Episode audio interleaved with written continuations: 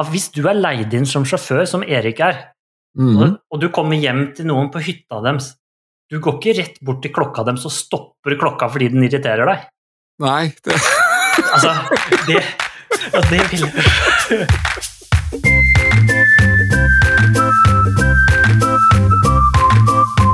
Hjertelig velkommen til Norsk film er. Dette er en episode sju, og det er her vi snakker om norsk film. Vi plukker ut én film som vi nerder om, snakker scene for scene. Jeg sitter ikke aleine her. Jeg har med meg Robert. Hallo, hallo. Godt nytt år. Takk, takk. I like måte. Det begynner å bli en stund siden sist. Ja, det er vel omtrent like lenge siden som forrige gang, eh, tenker jeg. Ca. en måned siden sist vi holdt på med dette her. Ja, det bare føles så veldig lenge siden. Det er blitt 2022, og vi kan jo bare glede oss til all den flotte filmen som kommer utover i 2022. Har du laget noen nyttårsforsetter? Forrige gang så snakka du om at du pleide å velge noen bøker eller lese nye bøker, stemmer det? Jeg pleier å lese noen bøker eh, hvert år, eller rundt juletider osv. Jeg vet ikke hvor ny den er, men jeg har prøvd å lese Are Kalvøs 'Meninga med livet', da, hvor han forsøker å finne meningen med livet gjennom popmusikken. Her derimot så prøver vi å finne meningen med livet gjennom eh, norske filmer. Vi hadde jo en eh, juleepisode hvor vi eh, hadde noen anbefalinger på noen julefilmer.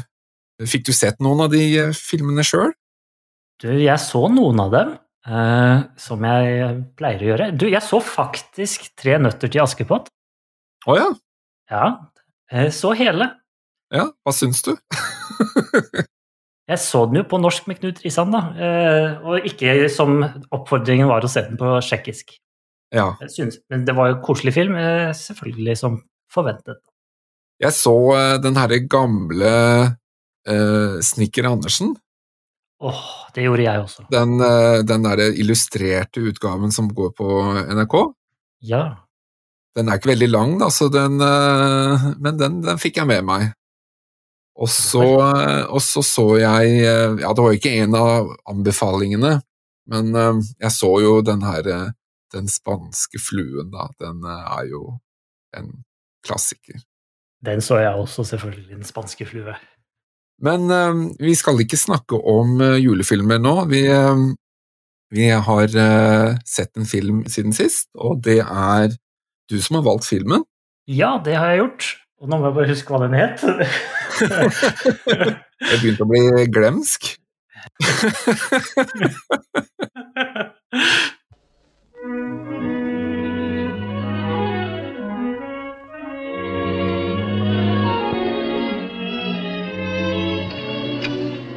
Når kan vi vente at kaprifolen melder seg? Ikke før i skumringen. Da går vi og spiser litt, da, hva? Dette her er jo en riktig, riktig gammel klassiker. Interessant og spennende og veldig tidsriktig film. Eller forut for sin tid, kanskje egentlig denne filmen egentlig er. Mer enn tidsriktig. Eh, og den heter jo da 'Døden er et kjærtegn' fra 1949. Den er jo regissert av en eh, kvinne. Er det, er det Norges første kvinnelige regissør? Eh, ja, det, er jo regissørt av Regissert? Regissert av Edith Kalmar, eh, som da er Norges første kvinnelige regissør. Og dette er jo også da hennes debutfilm. Så dette her er altså den første film, norske filmen som er produsert av en kvinne. Og det kan man jo på mange måter se- se, selv om det er hennes mann Otto Kalmar som eh, har skrevet manuset. Jeg tenkte litt på, eh, når jeg så filmen eh, Tittelen, altså 'Døden er et kjærtegn', altså det er da fra 1949. Hvordan forstår du tittelen? For jeg, jeg funderte litt på den, og jeg Er det noe sånn dobbel betydning, eller er det noe ordspill? Har du reflektert noe over det? Uh, Arve Moen, som skrev boken 'Døden er et kjærtegn', uh, som denne filmen er basert på, han har jo antageligvis gjort dette fordi at det er jo uh, meningen Uten å spoile hele filmen, så er jo deler av denne filmen at det er en person som dør. Det får vi jo vite ganske fort. Eh, og og eh, den, den personen som tok livet av den andre personen, elsker egentlig den personen som blir tatt livet av, som den personen dreper. Ja. Og her er det en sammenheng. Kjærtegn er jo da denne, litt, denne seksuelle berøringen på et vis. Eh, og at denne døden er på en måte denne berøringen som de har. Eh, Det er et eller annet spesielt, en seksuell tenning mellom disse personene som fører til døden til slutt. Ja, At det er liksom en liten konsekvens av det, det man gjør, kanskje. Ja. Men før vi går i gang med å snakke om eh, døden er et kjærtegn, så har vi noen eh, små ting eh, i forhold til podkasten, Robert. Eh, Ja, det har vi. Eh, Vi har jo nå eh, gjort noen små endringer. En av endringene er jo på sosiale medier, hvor vi nå er på Instagram. Det er jo Ja. veldig spennende. Eh, Men når det kommer til rent teknisk på selve gjennomgangen eh, som vi gjør i podkasten, så skal vi nok forsøke å være litt mindre scene for scene gjennom disse filmene vi ser. Sånn at nå er det ekstra, ekstra viktig at du kanskje har sett filmen på forhånd, sånn at du virkelig forstår hva vi snakker om. Eh, Og at det i hvert fall er en fordel å gjøre dette. Vi spoiler jo også filmen, så det er jo også en grunn til å se filmen på forhånd. Fordi vi legger ikke skjul på hva som eh, dukker opp eh, underveis i filmen. Nei, det er helt riktig. Vi avslører alle tvister og alt mulig rart som i teorien kunne vært litt spennende å sett selv da, for første gang, istedenfor kanskje å høre at vi spoiler det, da. Ja. Eh, en annen ting som vi har gjort eh, denne episoden her, som er annerledes fra de andre, er at vi ikke lenger kommer til å gi noe karakter. Ja, Fordi vi har et ønske om at vi skal heller fremsnakke noe, enn at vi skal på en måte gi det en dårlig karakter. Eh, Og det er jo fordi at vi synes jo norske filmer generelt er verdt å se uansett. Og da blir på en måte denne karakteren litt mer eh, irrelevant, og vi ønsker heller å fortelle eh, hvorfor du burde se akkurat denne filmen som vi snakker om nå. og også en annen sånn teknisk liten eh, ting. Eh, vi har, eh, har jo en del episoder ute nå i podkasten, eh, blant annet noen eh, bonusepisoder, og også disse her episodene hvor vi velger ut én film som vi snakker om. Og vi har da valgt å navngi alle de, eller døpe om, episodene, slik at alle har fortløpende episodenummer. Så det kan hende at den, at det ser litt annerledes ut nå i, eh, i appen din, men du skal i utgangspunktet få alle episodene fortsatt. Og selv om det står at Slipp Jimmy fri-episoden har endra nummer, så betyr ikke det at det er en ny episode. Det er den samme episoden, har bare fått et nytt navn. Helt riktig. Og det, vi håper jo at det er litt mer oversiktlig for deg. Døden er et kjærtegn. Har du hørt om denne filmen før, egentlig? Nei, det har jeg ikke. Jeg har aldri hørt om denne filmen før. Jeg har så vidt hørt om regissøren, altså Edith Karlmar, Eh, men bortsett fra det så har ikke jeg eh, hørt noen ting om eh, denne her. Så hvorfor har du egentlig valgt den filmen? Nei, dette her er jo en film som jeg bruker en del i undervisning, i hvert fall deler av den, og det er fordi at det er den første kvinnelige regissøren, som vi allerede har nevnt, eh, og at det er en film noir-film, noe som det ikke er så veldig mye av. Selv om Mm. noen mener at film noir-filmer må være fra USA, eh, så kan vi kanskje kalle det nordic noir, da. Og dette er liksom en film som er litt forut for sin tid. Den forteller litt mer om en mer moderne verden enn den kanskje vi har et inntrykk av at var i 1949. Eller 1948, om du tenker på boka. Du nevnte at du pleier å vise den for dine elever. Hva, hva er tilbakemeldingene de gir etter å ha sett den? Ja, De ser jo ikke hele filmen, da. De pleier å se et klipp, et klipp fra introen av denne filmen. Vil Ja. si første scene som ikke er fra med advokaten. Altså Ja. første, første scenen fra garasjen, på en måte hvor de jobber osv. Og, og det de reagerer mest på, er jo da at denne filmen her skulle være så innmari kontroversiell. For den virker jo ikke så kontroversiell. Men det er fordi at det er vanskelig å sette seg inn i 1949. Og det er det som er målet, da. Hva slags andre filmer var det som kom ut eh, i 1949? En annen kjent norsk film er jo Arne Skauens 'Gategutter', eh, som da handler om eh, vanskelige kår for, for gutter i byen. Ja. En annen film er Pippi Langstrømpe, kom i 1949. Det er jo okay. litt spennende. Eh, Men det er en svensk film, eller? Ja, Det vil jeg da tro. Ja, det er i hvert fall en svensk historie, det, var, det er det jo. Original Pippi Langstrøm. Eh, jo da, det er en svensk film produsert i Sverige, den er en og en halv time lang, laget av Per Gunvald.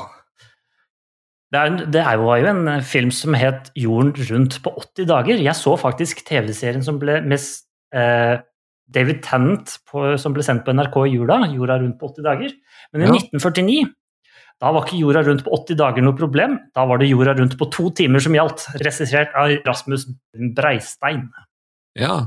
Det står her også at det er Norges første fargefilm. Ja, det stemmer nok det. Dette er en dokumentar, så vidt jeg husker. Og, og 1949, det er jo ganske tidlig for eh, fargefilm, altså. Ja, vi fikk vel ikke farge på TV før på 70-tallet, eller tidligst tidlig 1970, så det er ganske tidlig. Jeg ser også at i, i 1949 så hadde Ivo Caprino en, en sånn kortfilm, animasjonsfilm, som heter Tim og Tøffe, Ja vel, ja. eh, som ikke jeg har hørt om, men, eh, men Ivo Caprino har vi jo alle hørt om. Og hvis vi tenker på verdensmarkedet, så var jo den aller største filmen i 1949 film som het All Kings Men, laget av Robert Rossen, som eh, da vant alle tre Academy Awards for eh, av de tre gjeveste beste skuespiller, beste film og beste support actress. Det er mange ukjente filmer, eller eh, ukjente og ukjente, men det er flere filmer som ikke jeg har hørt om, for det er så lang tid tilbake. Dette her er jo 1949, og 1949 da var det jo film noiren som rådde. Og på den måte, altså All the King's Men er jo da en film noir, og, alle, og da passer det ekstra bra at eh, Edith Kalmar henger med i tiden og lager da en knakende god film noir som har flere film noir-trekk ved seg. Det er jo tydelig hvor inspirasjonen kommer fra i denne filmen, tenker jeg. Det er ikke sånn at dette er den siste episoden vi skal ha, Lars. Vi skal jo ha flere episoder etter denne også, og da er det jo din tur til å velge neste film. Kan du gi oss et lite hint om hva vi kommer til å få neste episode? Eh, Vi skal framover tid igjen. Nå har vi vært i sort-hvitt-filmverden eh, et par ganger, og nå skal vi fram til 2001. Oi. Jeg skal ikke si hva den heter enda, det skal jeg vente med til slutten av episoden, men det jeg kan si, det er at karakteren heter Kjell Bjarne, og da tror jeg sikkert det er mange som har gjetta hva den eh, heter. Kjell Bjarne, ja. Ja, Det er en spennende karakter. Da tror jeg kanskje at jeg har en idé om hvilken film det skal være. Men vi får vente og se til slutten av episoden for å se å være et helt sikre. Vi er på sosiale medier. Eh, Dere kan treffe oss på YouTube, på Facebook og nå også på Instagram. Vi er jo på forskjellige podkastplattformer som Apples eh, podkastplattform, Googles eller Spotify. eh, Og det er fullt mulig å finne oss uansett hvor du pleier å høre på dine podkaster. Eh, Og det at du sitter og hører på nå, betyr jo kanskje at du allerede har funnet fram. Og vi ønsker jo gjerne å høre fra deg hva du synes om vår podkast. har du spørsmål om film eller spørsmål om uh, andre ting, så er det jo bare å gå inn på Facebook og legge igjen en uh, beskjed der, eller på Instagram. Og så kan det jo være at du kan komme med et forslag til hvilken film vi skal snakke om neste gang. For vi er jo selvfølgelig åpne for disse eh, klassikerne. Det kan jo være Ja. at vi ikke har sett filmen selv engang. Og da er jo vi, vi bare veldig glad for å høre om hva du vet om som ikke vi vet. Det synes jeg er en kjempegod idé.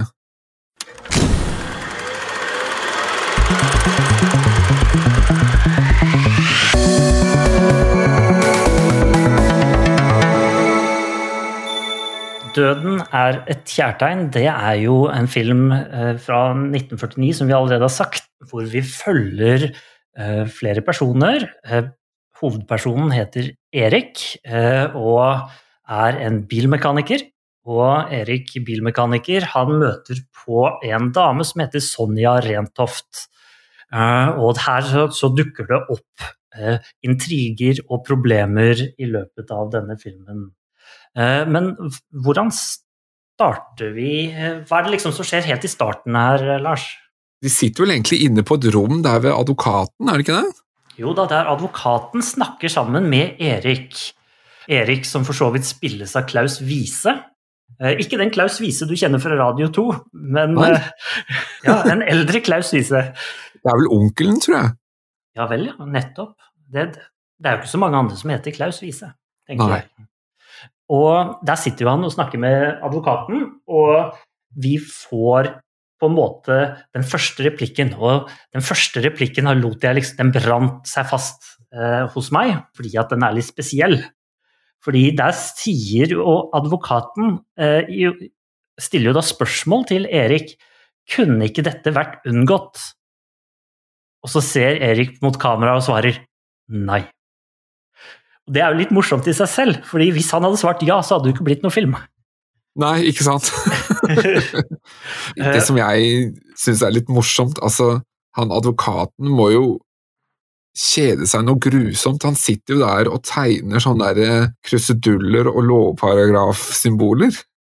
Altså, i, mens, altså, I åpningsscenen. Han, altså, Ja. han ser jo ut som han kjeder livet av seg. Vi eh, får jo et flashback, som det heter på godt norsk, hvor vi da hopper helt tilbake til starten av historien, hvor vi da blir kjent med Erik og Sonja. Ja, og dette her er jo hele, Nesten hele denne filmen er jo et flashback. Selv Ja. om ikke anslaget er et flash, flash Eller det kan vi si òg, at den, når vi blir eh, kjent med Erik og Sonja her, så er det også en del av anslaget i filmen hvor vi liksom blir satt inn i situasjonen. Mm. Eh, og Ja, for det skjer jo et par ganger senere at den, vi får disse her advokatscenene igjen, og så, og så er vi tilbake til hovedhistorien. Så det hopper litt sånn fram og tilbake. Riktig. Og denne første scenen som du snakker om, med at vi blir presentert eh, Sonja og Eriks møte, det er jo den eh, scenen som jeg bruker å vise mine elever. Akkurat. Og dermed så har jeg også en litt morsom ting, fordi at det er jo det er noen skuespillere i denne filmen. Og i den forrige episode så snakket vi jo om en annen film, og at det var litt vanskelig å skille karakterene fra hverandre. Ja, jeg syns det var vanskelig her òg, altså. Du synes det? Jeg syntes ikke det var like vanskelig. Jeg syntes det faktisk var ganske greit å skille karakterene fra hverandre i denne filmen. Ja, det var kanskje mer å vite hvem Altså, ja, kanskje ikke så mye å skille dem, men det var liksom mer det om hvilken posisjon og rolle hadde personene, for de sier jo ikke alltid det. Nei, riktig. Dette her er jo da en film hvor du har Erik som er eh, bilmekaniker. Ja. Og du har da Sonja, eller fru Rentoft, da som hun heter, eller blir kalt i starten. Ja, for hun er jo gift. Hun er gift med herr Rentoft. Eh, og, de, og hun Sonja hun kommer kjørende ned til dette bilverkstedet Mm. Og sier at det er noe gærent med bilen sin. Ja. Og hun går litt rundt og er veldig høyt på strå, helt åpenbart en rik dame som eh, man, som man liksom forventer at verden snur seg etter henne. Ja, og det, jeg synes akkurat det her, den første scenen syns jeg egentlig er litt interessant. Måten vi blir kjent med Erik og Sonja, for den viser jo litt av klasseskillet mellom folk i, i Oslo Ja. På den tiden. Og dette her er veldig veldig tydelig, dette klasseskillet. Og det, hele filmen handler jo om at Erik og Sonja egentlig ikke passer sammen pga. at de kommer fra forskjellige klasser. Ja. At Erik er denne arbeidsmannen, og at han ikke har noe Altså, han sliter hele tiden med å nå opp til idealet til Sonja, da. I hvert fall det han føler selv. Han føler liksom at han ikke kan være mannen i forholdet som var viktig i 1949. ja, nettopp. Men en av de tingene som gjør at vi skjønner at det er en skikkelig forskjell på klassene her, utenom det rent visuelle, er jo faktisk hvordan de snakker. Fordi Ja. hvis du legger merke til hvordan disse bilmekanikerne snakker seg imellom, og sånn, så banner de ganske mye. Ja. Mens, mens disse personene som er høyt på strå, de gjør det aldri gjennom hele filmen, uansett hvor sinna de blir. Ja, de, disse her arbeiderfolka de bruker jo også relativt, hva skal vi si, grove ord, da. Altså, Ja, overklassetispe er det jo en kommentar som kommer fra en av dem. ja. um, som jeg, altså, jeg, jeg måtte jo bare le litt, da. Uh, generelt veldig mange gode sitater i denne filmen. Ja. Eh, og ganske bra skrevet manus, egentlig. Eh, Ja så eh, props til eh, Otto der, altså, for å lage Ja. dette manuset, som faktisk er veldig gøy. Men det er jo ikke bare klasseskille heller som denne eh, historien tar opp. Det, det er jo også Altså, hun er jo noe eldre enn han. Ja, det er helt tydelig. Hun er jo nærmest en cougar, altså. ja, hun er jo en eldre dame, en gift dame med mange penger og hun, Status. Og status, ikke sant. Hun har en helt annen adresse som hun hører til. ikke sant? Hun kan gå på restaurant og spise hele tiden, Ja. mens de andre sitter der nede. De, de tar seg én pust i bakken, og så tar de og spiser matpakka i løpet av den pusten, og så er det tilbake til jobb. ikke sant? Mm, ja, ja. Det er et sitat som jeg synes er helt strålende, eh, og det kommer i slutten av denne her, hvor du da har fra denne bilmekanikeren, som ikke er Erik, men som har disse to brillene, sine, brillene på, på hodet, eh, den eldste av de, som når liksom eh, klokka går, og man er liksom ferdig med den scenen, så sier han 'én dag nærmere døden'. Og det er liksom Og det er det er så utrolig godt beskrevet av for, klasseforskjellen og forskjellen i status osv. At disse bilmekanikerne de gikk fra dag til dag, og de bare gikk én dag nærmere døden hele tiden. Mens Ja. disse rike de gjorde som de ville og hadde det bra og øh, gjorde liksom sånn som de ville. De, de hadde seg med hvem de ville, og de brydde seg ikke om regler. Og, ikke? Ting var liksom sånn de bestemte at det skulle være. Mens for liksom den nedre standen, nedre klassen, arbeiderklassen, så var det faste regler, og de kunne ikke bevege deg utenfor. Altså. Nettopp. Eller så er det jo samme personen som har denne, dette sitatet da, om en dag nærmere døden. Han har jo også i samme scene, litt tidligere, har han jo en, fa en fantastisk latter. Det må jo være filmhistoriens falskeste latter, altså.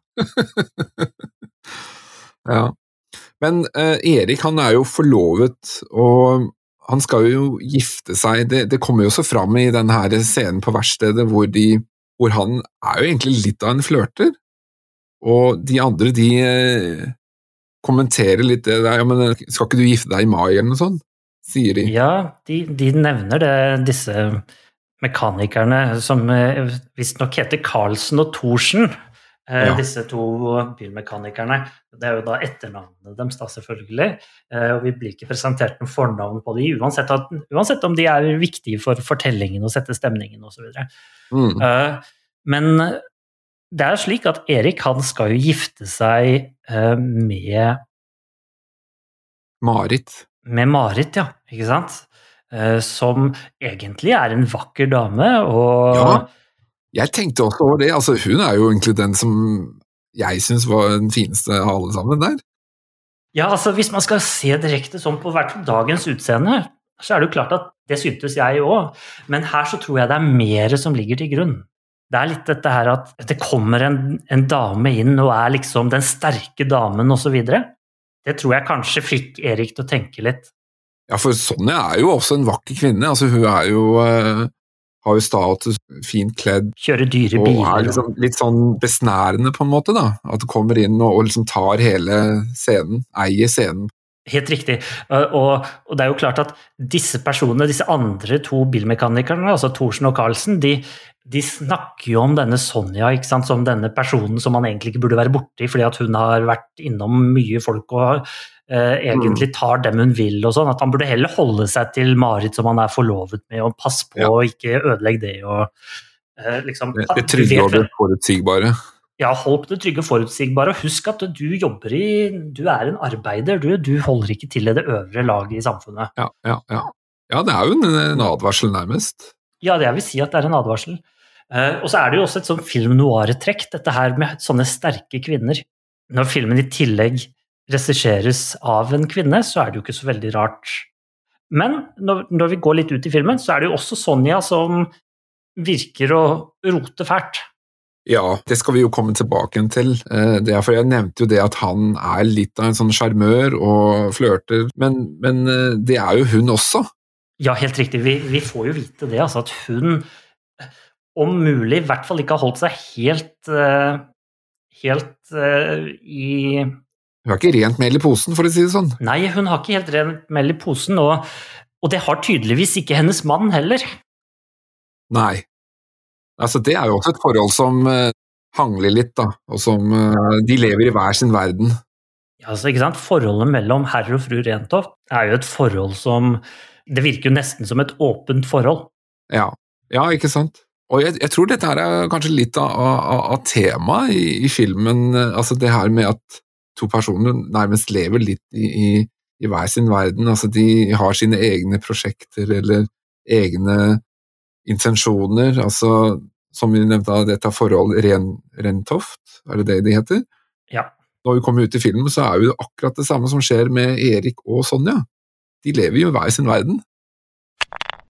Dette her er jo en film som eh, er for 1949 veldig erotisk. Eh, ja. undertone i. Jeg kan godt forestille meg at uh, altså når vi kommer ut i filmen, at det var ganske hard kost, altså. altså i 1949. Ja, ja jeg, men når de fremdeles kommer Altså, når Jeg tar på nytt. Men når Sonja kom kjørende inn på verkstedet der i første liksom, tilbakeblikksscene, så, mm. så, er det jo Sonja som virker flørtende, egentlig. Fordi ja, som, egentlig. Fordi, fordi, Erik Han er jo nærmest litt irritert og avvisende. Ja, helt riktig. Han holder seg tilbake mens Sonja liksom eh, tilbyr sigaretter og liksom snakker ja. om sånn i dobbel betydning, kanskje, og og liksom har glimt i øyet og blunker litt og ikke sant. Det er hun, ja. Det er hun som liksom er den flørtende i starten her. Så selv om Erik kanskje har vært en flørtepus en gang i tiden, så har han på en måte slått seg til ro, han med sin Marit. Ja, ja. Eh, Men det har jo litt inntrykk at selv om han er irritert på henne, så tror jeg han er litt sånn flørte, kanskje uten å tenke om det selv. Jeg tenker, jeg tenker kanskje ikke at han flørter, men at han ser at Sonja er en pen dame. Ja, men har, er dette her første gangen hun vil... er innom? Eller at de møtes, tror du det? Ja. ja, det er første gang Erik møter Sonja. Fordi Så det er ikke sånn at hun har vært innom tidligere også? Jo, det har hun vært, men hun, hun sier at verkstedsmesteren kjenner henne, mens Erik kjente henne ikke. Nettopp, ja. Mens jeg tror denne gamle mekanikeren Thorsen kjente henne. Det virka litt sånn i måten han omtalte henne. Han derre verkstedsjefen, eller er, er, det han som er liksom Norges høyeste mann? For han var jo fryktelig høy i den scenen. han må jo være Norges høyeste mann. Jeg vet ikke om du la merke til det? Ja, det han Ja. Jeg tror han har en sånn, eh, en sånn grå frakk. Ja, ja, alle, ja, alle er jo grå, Jakke er jo grå der. Jo, jo men lys, lys, i håret og Ja. Han så fryktelig høy ut, men det kan også være kameravinkelen. Eh, så får vi på en måte svar på disse spørsmålene som vi egentlig har stilt nå, med om hva Erik egentlig følte når han så Sonja første gang. Ja. Fordi han drar jo da hjem til sin Marit. Det vil si, ikke hjem til, men han drar hjem til seg selv, og så kommer Marit på besøk. Ja. Og da er de sammen, ikke sant? Og så reagerer Marit på noe. Og det hun reagerer på, er at Erik ikke er helt sånn som han pleier. Han er ikke like hva skal vi si, forelska, like hypp, som det han vanligvis kanskje har vært. Mm. Eh, for Erik er jo denne sjarmørtypen, ikke sant, som uh, hviler og dealer litt, grann, og helt åpenbart ikke følger nødvendigvis uh, kirkens lov. Altså, jeg har litt inntrykk at han er den der litt flørtete typen, og det der forholdet med Marit Altså, de virker fornøyd, og de Men føler ikke at det er ja, noe mer det, der. Altså. Ok, eh, fordi at det jeg tenkte, var at når jeg ser på denne filmen så, jeg, så er det liksom en sånn henvisning til at han har jo nettopp sett fru Rentoft fordi han mente at hun var så vakker og pen. Og ja. Da må jo han selvfølgelig Å nei, det var jo ingenting, og jeg, jeg, er så glad i deg, og jeg elsker deg masse, og du er så pen, og la oss sminke oss, og la deg sminke deg sånn at jeg viser deg fram hvor pen du er for resten av verden. Og... Mens mm. vi vet at det nå surrer det en tanke bak i hodet hans. Den tanken er fru Rentoft, fru Rentoft. Ja, så det, hun har jo tydeligvis gjort inntrykk, da. Marit dukker jo opp, og de, de er, jo hjemme, er, er, det hjemme hos han, eller er det, er det, felles leilighet? Du, dette er hjemme hos han. Uh, Marit har jo vært på overnattingsbesøk. Stemmer. Og I 1949 så er ikke det spesielt godt uh, ansett. Ja, for det var jo så vidt at hun Marit fikk lov til å være der, men det var jo kun fordi at de var forlovet. Helt riktig, helt riktig. Det kan jo være grunn nok til å være forlovet. Uh, for så vidt, så det kan jo være at det er grunnen til at Erik og Marit er forlovet. Mm, ja, At de ønsker å bli sett på som skikkelige folk. absolutt. Eh, Men etter denne scenen så blir vi igjen flyttet tilbake til bilverkstedet. Vi ser en krasja bil, og vi ser eh, Thorsen og sånn som driver og snakker om hvor ille dette her går. Men det er et merkelig verksted, fordi de gjør noen jobber og sånn, men de, man ser jo ikke at de tar betalt for det. Det gjør de nok. De går vel til verkstedmesteren og betaler. Ja, men det var bare litt merkelig at de bare kunne kjøre inn og liksom Ja, kan du se på bilen min? Ja, ok, men grunnen er vel det at den eneste personen som gjør det, er fru Rentoft, og hun kjenner verkstedmesteren. Ja, altså det er hun som tillater seg sjøl å gjøre det. Ja, helt riktig. Hun er jo spesiell, vet du. Ja, Hun er jo, ja, ja. Dette, hun er jo høyt på strå. Vi får vite det senere òg, at det er, ikke, det er ikke hennes mann herr Rentoft som har tjent pengene sånn som man skulle tro i, i 1949, men det er jo hun som står for alle pengene. ikke sant? Det er hun som er rik. Ja, Mener du at hun ha, ha, er velstående før hun gifta seg med Rentoft? Ja, ja, ja. Absolutt. Hun sier det også. I en eller annen scene litt senere i filmen, uh, hvor hun snakker om penger med Erik, og Mm. Erik sier ja, men er du villig til å gi opp alt dette for meg? Og hun sier ja, men eh, hvis det er pengene du tenker på, så har, er det egentlig jeg som har alle de. Jeg tenkte bare det var et resultat av at hun hadde skilt seg med Rentoft. Å ja, nei, jeg tror det er eh, ganske enkelt. eh, Det er hun som sitter på verdiene. Jeg tenker at det skal passe inn med denne sterke, velstående kvinnen som gjør som hun selv vil, som, de, som fem fatale opplegg. Men det er her den der eh, sjåførjobben dukker opp. Jo, riktig, og han verkstemannen han spør jo da om det er noen som vil ta den jobben. 100 kroner, ikke sant? Rett i fòret. Men dette, dette her som jeg, jeg, jeg tenkte litt på, altså dette her er et verksted, og driver de sjåførjobb også? Altså, dette her er Oslo rett etter krigen. Det er, det er ikke sånn at du har lov å eie biler i 1949, eller kjøpe nye biler. Hvis du eier en bil, så er den eldre enn krigen. Eh, Fordi at det var jo rasjonering på biler etter krigen fram til 60-tallet, 1962 om jeg ikke husker helt feil. Ja, ja. Eh, Og, Jo, men Rentoft hadde jo bil. Ja, men hun er rik, vet du. Hun har sikkert klart å finne en måte å få kjøpt en eh, bil fra 1920-tallet eller 1930-tallet. Det er det det her er. Um, Men- så hun kan ha den bilen. Men det, men det er det jeg liksom eh, jeg, jeg, altså, jeg vet at dette er bare pirkeri og teit, men altså Men altså, det er jo sjåførjobben er jo til Rentoft. Ja. Han skal plukke opp et eller annet? Eller er det det at han skal kjøre til hytta? Nei, for den hytteturen, det er noe annet. Det er seinere, eller? Nei, de, de eh, skal bli kjørt opp til hytta, og så skal han bli kjørt til flyplassen eller båten eller hvordan han skal komme seg til Amerika. Ja, altså det er det som er sjåførjobben. Ja. Han, han kjører bare fru Rentoft opp på hytta først. Ja, men eh, forretningsmannen blir jo med. Ja da, eh, hvorfor er han med egentlig? For det er også en ting som jeg eh, eh, altså stussa veldig på. Jo, jo, jo, jo, jo, jeg har en idé. Eh, grunnen til at herr og fru Rentoft skal opp på hytta, er fordi at nå skal de bort fra hverandre i to måneder. Ja, Og da tenker herr Rentoft at den siste kvelden, den skal vi ha sammen. ja. Og vi trekker oss tilbake til hytta, og når vi skal på tur sammen, vi som det velstående, flotte paret som vi er, så skal vi ha en sjåfør opp. Og da får, betaler de for at han skal gjøre det, pluss kjøre herr Rentoft til transportmiddelet for Mm. USA. Jeg, jeg syns bare det var veldig snodig at han siste kvelden før han skal reise opp til en hytte som er langt unna, Ja, og så dagen etter skal bli kjørt til en flyplass. Som vi nevnte tidligere, så er jo ikke dette Rentoft-forholdet virker jo ikke som veldig varmt, nærmest liksom proforma-aktig. Hva er greia med at de skal stresse opp til en hytte dagen før han skal reise av gårde til ja hvis de likevel bare spilte et skuespill. Ja, Det kan godt være at det egentlig er ganske Altså at forholdet er intimt nok, men det er bare det at de er så mye borte fra hverandre at når de er borte fra hverandre, så da er de, da er de som at de ikke skulle vært i forhold i det hele tatt.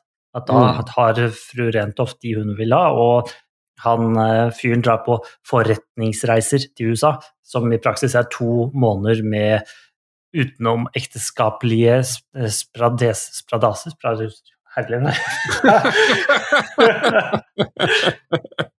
Ja, altså Det kan godt hende at de egentlig er glad i hverandre.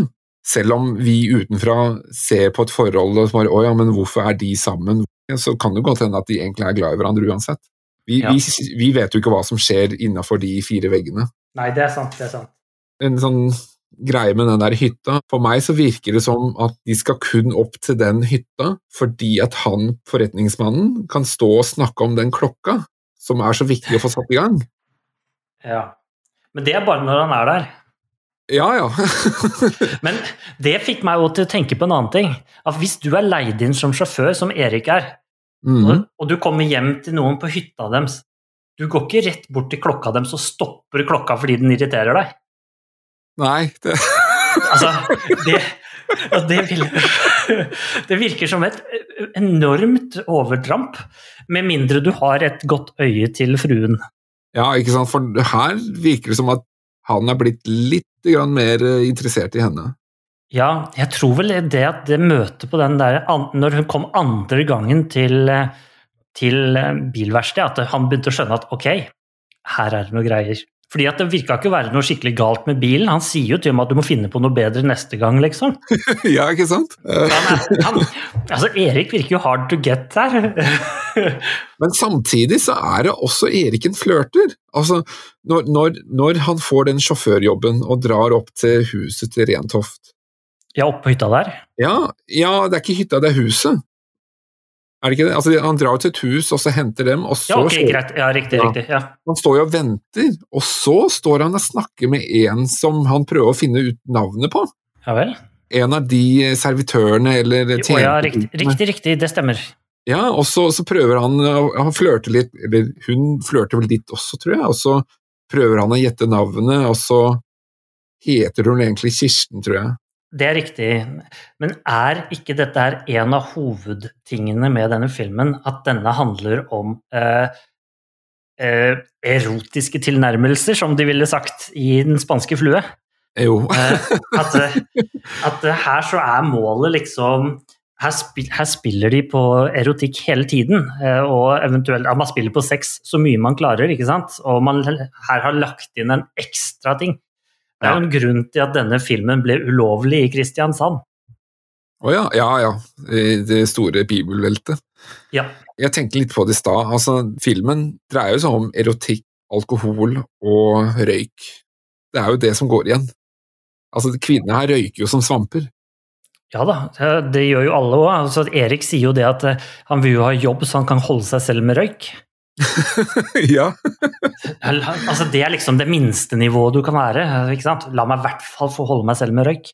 Mm. Eh, Men det, her- det at de på en måte fremstiller kvinner at de røyker, er det liksom på en måte et uttrykk for kvinnefrigjøring? Altså kontroll over sitt eget liv, sitt eget, uh, sine egne valg? Altså, Film noir generelt handlet jo om de sterke kvinnene og kvinnefrigjøring generelt. Og dette her er jo en, eh, denne filmen handler jo om en seksuell frigjøring. Hvor du skal få lov å gjøre hva du vil, egentlig. Og ikke bry deg om hva samfunnet rundt måtte mene om deg osv. Vi har jo alle disse vennene, f.eks., og vi har eh, andre, altså disse arbeiderne som sier at hysj og hysj, dette her må du ikke holde på med. ikke sant? Og Mm. man blir dømt i alle retninger. Og så er det denne sterke, litt mystiske damen som egentlig gjør litt sånn som hun vil. Fordi hun har penger, hun kan gjøre som hun vil, hun kan fremstå som hun vil. Hun er høyt på strå, hun, er liksom, hun har vunnet, liksom. Altså, hun er jo en fem fatal. Det er det hun er. Ja, så det er en veldig klassisk eh, karakter i, i, i film noir. Altså, det, dette er en veld... Altså, jo mer jeg ser på denne filmen, jo mer film noir blir filmen. Vi kommer også til noen filmatiske ting etter hvert som er veldig film noir, som jeg egentlig Det første litt film noir-aktige sånn filmatisk er Hvis vi ser bort ifra at alle røyker og sånn, og det er veldig film noir, så er jo det på denne kjøreturen tilbake fra hytta. Fordi da kjører de, og herr Rentoft sover, og vi hører en voiceover med hva Erik tenker. Det er en klassisk film noir-teknikk. Ja, ja, ja. ja. Jeg syns også altså det her forholdet mellom eh, herr Rentoft Vi vet vel egentlig ikke helt hva han heter til fornavn. Altså, de to karakterene syns jeg egentlig er litt interessant. Eh, vi snakka litt om det der med den klokka i stad. Fordi han representerer jo liksom den fornuften Og det å følge avtale, forutsigbarhet, liksom det kjedelige. Og hun er jo på en måte det stikk motsatte. Hvor hun er liksom den livsnyteren, hun skal ha spenning, spontanitet, uforutsigbarhet. Ha et voldsomt temperament til tider, som bare svinger opp og ned. Så man ser jo de der to karakterene litt opp mot hverandre. Ja, det er jo veldig tydelig at dette her er eh, rake motsetninger. Altså, det, er, det er så tydelig karakter på de der rollene der, altså. Eller, eller hva de representerer. Ja, jeg er enig i det. De er jo da tilbake igjen i byen, altså etter den hytteturen. Erik han trasker jo langs veien, altså han er jo ferdig på jobb, eller i hvert fall han er på vei hjem, tror jeg. Og så er det jo Sonja som kommer kjørende i bilen. Ja, dette har jeg tenkt litt på. Sonja er en stalker. Nå veldig! Ja, fordi hvordan i all verden vet hun at Erik pleier å gå rundt der flere timer før han skal prøve å finne denne lukten? Ja, det var akkurat det samme jeg tenkte også. Hvorfor, hvordan vet hun at han er der? Ja, nettopp. Jeg tenker at altså, er hun altså, er hun så rik at hun har ikke noe annet å gjøre enn å bare reise rundt og leite etter sine, sitt neste nummer? Også innom et verksted i ny og ne? ja. Plukker opp den nye verkstedsmesteren, på en måte. Eller ja. bilmekanikeren. Men hun snakker jo også med vennene sine litt. Altså. Ja. Og det er jo klart at den øvre delen av det norske samfunnet mm. Eh, hadde nok gått med penger i 1949 i forhold til kostnadsnivået. Sånn at eh, vi får jo se senere en nyttårsaftenscene hvor det ikke er plass på bordene. og Da er det helt åpenbart at hun, hun, kunne bare komme og snakke med noen av sine andre rike venner. Ja, Og få eh, plass. Eh, og få plass, ikke sant. Ja, ja, og de bestilte noe vin som var så fantastisk at man ikke har hørt om det omtrent. ikke sant? Men apropos det med vennene hennes, eh, eller venninnene, da. Den ene venninnen hennes, vet du hvem hun er? Nei, du, jeg Det har jeg ikke sjekket ut det er jo Hva heter hun? Sonja Hennie. Ikke Sonja Hennie. Sossen Krog er det. Er det Sossen Krog? Vera er Sossen Krog.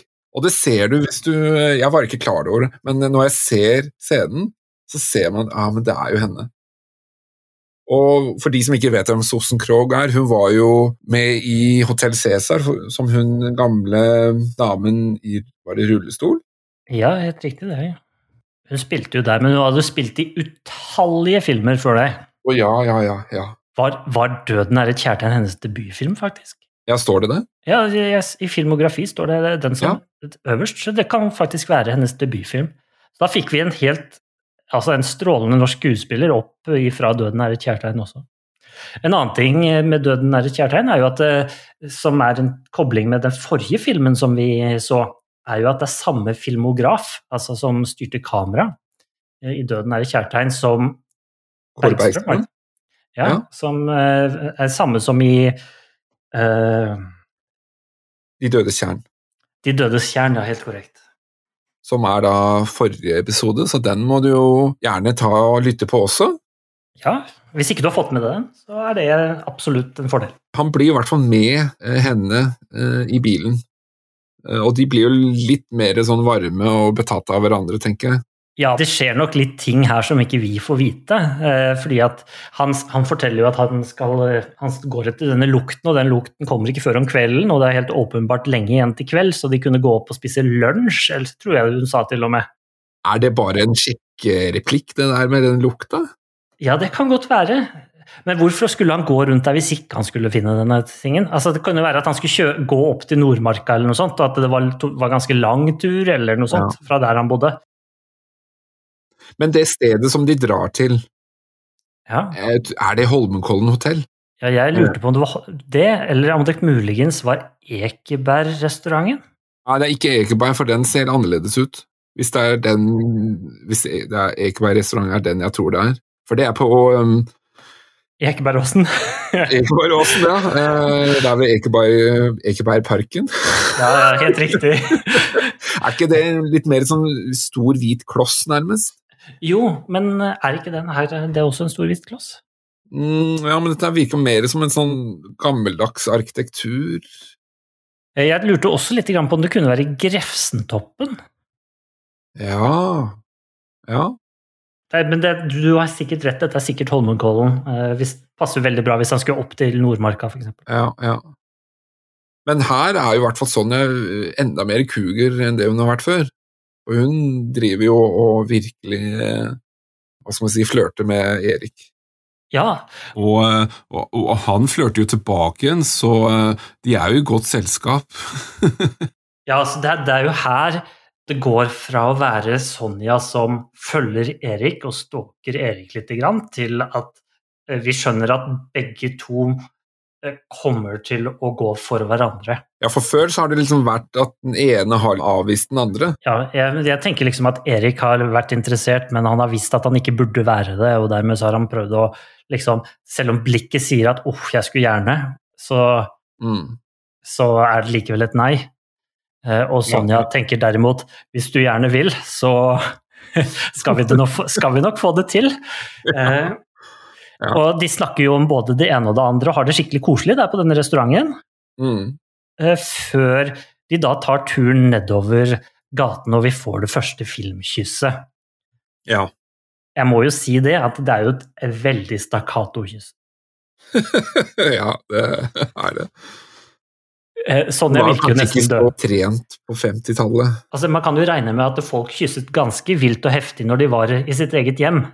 Men det var ikke så vanlig å gjøre slikt på, TV, nei, på film i Norge i 1949 i så stor grad, og så, og så tett, og så sensuelt som det liksom skulle være i denne filmen. Det er jo egentlig Sonja som tar risken. For hun er jo, lever jo i et forhold, altså det gjør jo for så vidt han også, Ja, men det er jo fortsatt et mannsdominert samfunn. Ja da, det er klart. Hvor det å ha et utenomekteskapelig forhold ble jo på den tiden behandla litt, eller sett på litt annerledes øh, om du var en kvinne eller om du var en mann. Ja, det er jo helt riktig. Ut ifra f.eks. disse her ukebladene som kom med råd og sånn til, eh, til folk, så var det veldig sånn pro menn. Ja. Hvis mannen var utro og, eller holdt på et eller annet, så var det kvinnens oppgave å sørge for at mannen ikke skulle være utro. At hun nesten har feila ved at han er utro. Men hvis det var kvinnen som hadde et forhold, så var det på sånn derre fy, fy, nei, det må du ikke gjøre. Poenget er jo at det er hun som tar risken. Ja, fordi at hun er en gift kvinne. Ja. Jeg tenker jo også at det, hun ser på seg selv som overklasse. Altså hun er hevet over eh, Ja. de andre på grunn av at hun er den rike. Hun er liksom Hun har ikke som noe å tape, egentlig. Eh, fordi hun allerede er på toppen. Hun, hun, folk vil bare se det som at hun finner det riktige. Men jeg skjønner jo at det passer bedre i dag enn i den situasjonen i 1949. Eh, Men en annen ting som er litt viktig å ta med der, da, er jo at utenom utenomekteskapelige eh, hendelser, det var jo ikke noe som var unormalt i 1949 heller. Eh, Det var bare veldig skygget Altså man døyvet det ned så mye man klarte, og Ja. så ga man skylden til kvinnene, og så fikk mennene stort sett gå fri. Ja, og litt på, av de der eh, reaksjonene på filmen også. Altså, når den kom ut, eh, den fikk jo voldsomme reaksjoner. Ja. Og jeg tenker kanskje fordi Sonja er liksom den som tar initiativet til forholdet, at det var liksom sett på Nei, det, det skal ikke kvinnen gjøre. Men altså, det, bare det at du filma et sånt her type forhold, det var nok uh, ille nok, altså. Mm. Og, Men jeg, ser, jeg tenker jo også at uh, den her kom ut i 1949. Altså, det er fire år etter krigen tok slutt. Ja. Og det er ikke veldig mange år, altså. Og jeg tenker Nei. liksom da Det at man er et friere samfunn, uh, da er det jo mye reaksjoner som skjer. Altså at man prøver ut forhold, man prøver ut nye måter å være i samfunnet. At det er kanskje en reaksjon på akkurat det der. og en annen ting er at Norge var ikke akkurat sluppet løs i 1949 heller. eh, Sånn at det norske samfunnet var fremdeles et ganske strikt samfunn. eh, I hvert fall hvis vi sammenligner med i dag. Sosiale normer og sånn. Sosiale, ja, sosiale normer her, ja. Som disse åpenbart bryter, eh, og som de for så vidt også driver og bryter i de scenene som vi driver nå og snakker om. Eh, Fordi når de har vært på denne restauranten, så dropper de jo helt denne lyden til eh, Erik, fordi at de bare løper nedover gata, tar bilen, kjører hjem, raser Når de kommer hjem, raser opp trappa, ikke sant, og Ja, ja. rett til sengs. Og da er det jo Den heftige erotiske scenen. Da er det jo, da er det jo en sexscene. Ja. Og en sexscene i 1949, det er ganske heftige saker. Altså, da er du rett i pornografien, ikke sant. Det er en sexscene hvor man egentlig ikke ser noen ting. Det er for så vidt sant, men vi ser, jo, Men- vi ser det jo likevel. Ja, men, men jeg tror det er litt det at folk de tror de ser noe. Altså fordi de på en måte forestiller seg at her er det noe, noe pornografisk. Men man Ja, men vi ser, ser det jo lite grann på ansiktsuttrykket i starten, i hvert fall.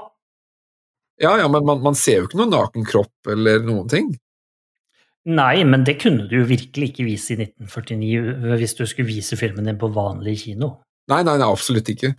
Eh, Da ville du jo havnet i, i pornokategorien, eller det som ble kalt for uh, erotiske bilder eller erot, et eller annet greier, hvor vanligvis det var nakne mennesker som, lå sammen i en pøl på bakken og, beve, og bare gnei seg litt mot hverandre.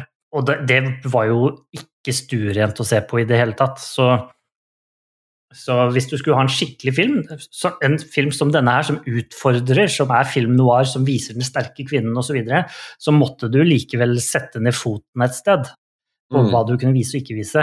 Og det at de viser at Erik på en måte går ned på på på på på, på, på, på Å, herlighet! At de vis, og at det at du viser at eh, Erik her går ned på Sonja, det er i seg selv drøyt nok. Og en ting som gjør at vi skjønner at dette her har vært en sexscene, er at hun kler på seg i etterkant. Ja, ja, Vi ser at hun tar på seg, så hun har åpenbart vært naken, eh, og dermed så må dette ha vært en sexscene. Men jeg, jeg vil bare nevne et film noir-ting til, siden dette er, er jo en film noir. Før selve sexscenen starter, når de virkelig Når, det, når liksom eh, alle de seksuelle eh, kraf, kreftene i kroppen bare bruser, og de skal løpe opp trappen der, Ja. da filmes trappen, og vi ser skyggene, veldig kraftige skygger mot det ekstra lyse. Og så, når de er oppe fra trappen, så fortsetter vi å se skyggene på veggen. Ja, det er veldig film noir. Det er kjempefilm noir-scene. Og det er helt åpenbart at Edith Kalmar her har tenkt at her ønsker jeg å vise silhuetter av mennesker som er i full fyr og flamme. Ja, ja, ja. En veldig, veldig klassisk. Og det med silhuetter og, og skygger, det har de også senere i filmen, der hvor de står i gangen mot slutten av filmen. Altså, det, det er naboene, disse to kvinnene som står i gangen og, og, og snakker om Erik. Og så filmer de dem sine skygger som faller på veggen, da. Så det er jo også akkurat det samme, altså en, et virkemiddel som er tatt fra film noir-sjangeren. Ja, altså Hvis jeg tenker etter ikke sant, så, så, og skal, skulle forklart for noen hva, hva som skal inn i en film noir-film, så ville jeg tenkt at uh, det skal være en type uh, detektivhistorie eller noe sånn eh, litt lugubert som foregår. Eh, det skal være sterke skygger, Uh, low-key lyssetting, at det skal være liksom stor forskjell mellom det mørke og det lyse, og at det skal være voice-over. Eh, og at det gjerne skal være denne sterke kvinnen osv. Alle disse tingene finner vi jo i denne filmen. Så dette er en klassisk film noir-film, laget midt i film noir-perioden. En annen ting som også er veldig sånn typisk film noir, det er jo at du har lys som på en måte skinner igjennom La oss si sånne, sånne persienner eller et eller annet, at du har liksom lys yeah. og, og skygger og veldig sånn høy kontrast. Eh, altså som faller på en vegg, for eksempel. Det er også veldig sånn typ. Og også sånn historiemessig, når man først er inne på film noir, altså det at du har en handling som er fryktelig komplisert og veldig sånn Du skjønner nesten ikke hva som skjer. Altså nå, nå tenker jeg på film noir fra USA og sånn. Riktig. Det var ikke noe som var veldig typisk i denne filmen. Historien er veldig sånn, hva skal man si Det er ikke en veldig komplisert historie. Men at du har disse her flashbackene og sånn, det er også veldig typisk film noir. Ja, men jeg tror, vil jo også tro at denne filmen var litt Historien var litt tyngre å følge i 1949, fordi at temaene den tok opp, var litt ekstra sterke den gangen i forhold til Mm. hva det er i dag. Sånn at Ja. du ønsket kanskje ikke 1949 å liksom tenke at dette var tilfellet, og så ble det tilfellet likevel, og så var det greit å følge. Eh, Men jeg, tilbake til den sexscenen bitte lite grann. Eh, Fordi for at vi skal vite det, at det viser at dette her er faktisk er en seksuell eh, handling som foregår.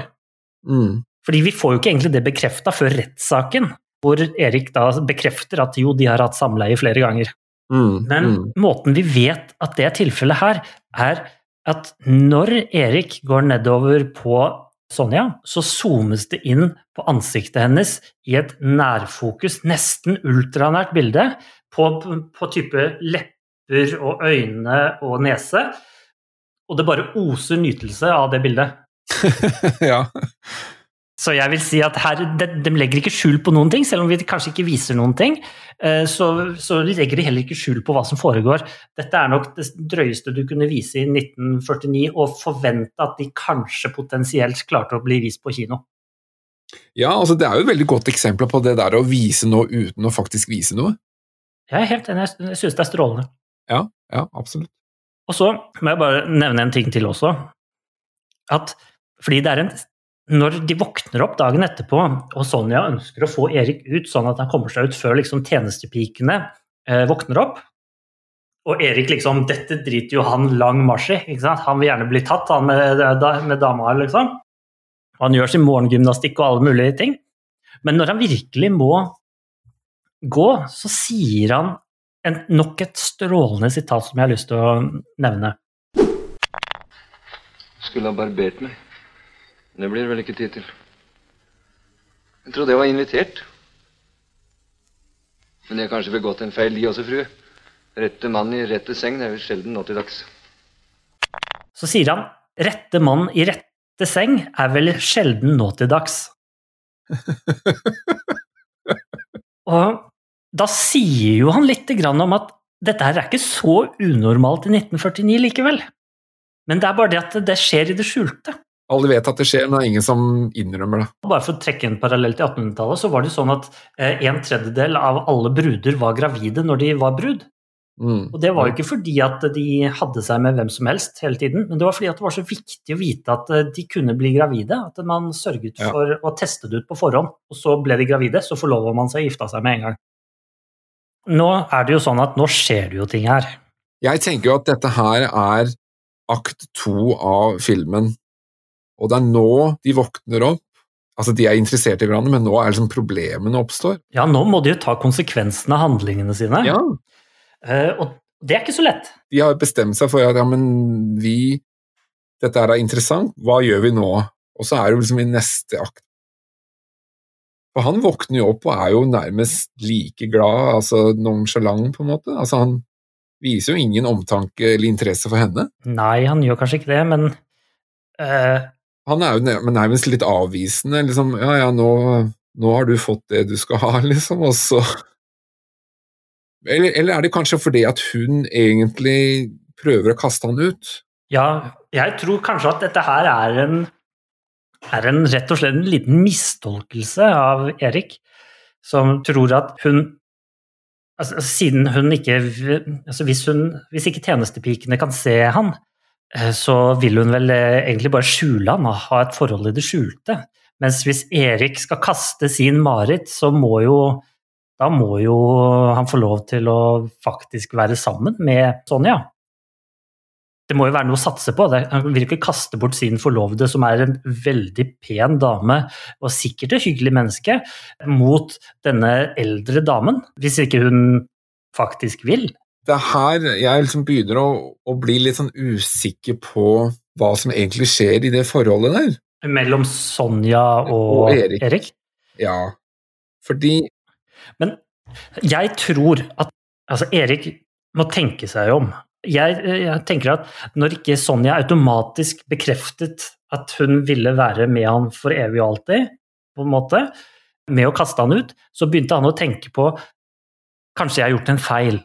Og så får vi jo se at han er tilbake på bilverkstedet og snakker med han der eh, bilsjefen og sier at han føler seg dårlig og sånn. mm, Ja, ja. Og da er det jo én grunn til at han føler seg dårlig, det er jo fordi at han har skyldfølelse overfor Marit.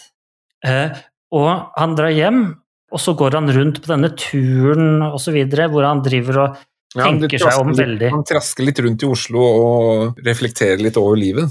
Og så leser han vel en lapp fra Marit også med hva hun lurer på hva i all verden han driver med, og så videre, Ja, hvorfor han ikke har snakket med henne, og så.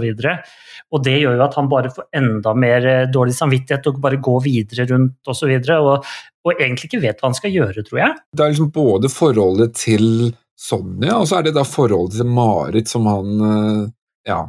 Han har jo et bein i begge leire. På dette tidspunktet så føler jeg liksom nærmest at han er litt en sånn rundbrenner. Å ja, fordi at det tenker ikke jeg. Han flørta jo med den der tjenestepiken eh, tidligere, utenfor huset til Rentoft. Ja, riktig. Og så flørter tenker- han jo med, med Sonja. Ja, men dette tenker jeg egentlig ikke at han er. Eh, Jeg tenker at han her nå Han føler seg litt avvist fra Sonja og føler Ja. at han har dårlig samvittighet overfor Marit og vet ikke helt. Hvis jeg har gjort dette mot Marit, så kanskje ikke egentlig jeg vil eh, fortsette å satse på Marit heller. Eh, Og hvis jeg satser på Sonja, så må jeg faktisk gjøre det slutt med min forlovede Marit, liksom. Og det er faktisk ganske drøyt, det òg. Så har du forlovet deg, så har du forlovet deg, liksom. Du har jo faktisk tatt et skikkelig valg. Eh, og så kommer jo hun fru Rentoft, eller Sonja, hun kommer jo kjørende rundt med bilen og stalker da ned eh, Erik nok en gang. Ja. Og finner han traskende rundt og sier du, vær så snill, da, bli med meg. Og da er Erik ganske avvisende i utgangspunktet, før han blir med og setter seg inn i bilen. Og da kjører de vel forbi Marit, så vidt jeg fikk Ja, med meg. jo, det stemmer. Hun er der og ser at han drar av gårde med, med Sonja. Det stemmer, det. Og det er jo et problem for han. Det her forholdet eh, mellom Erik og Marit syns jeg også er litt spesielt.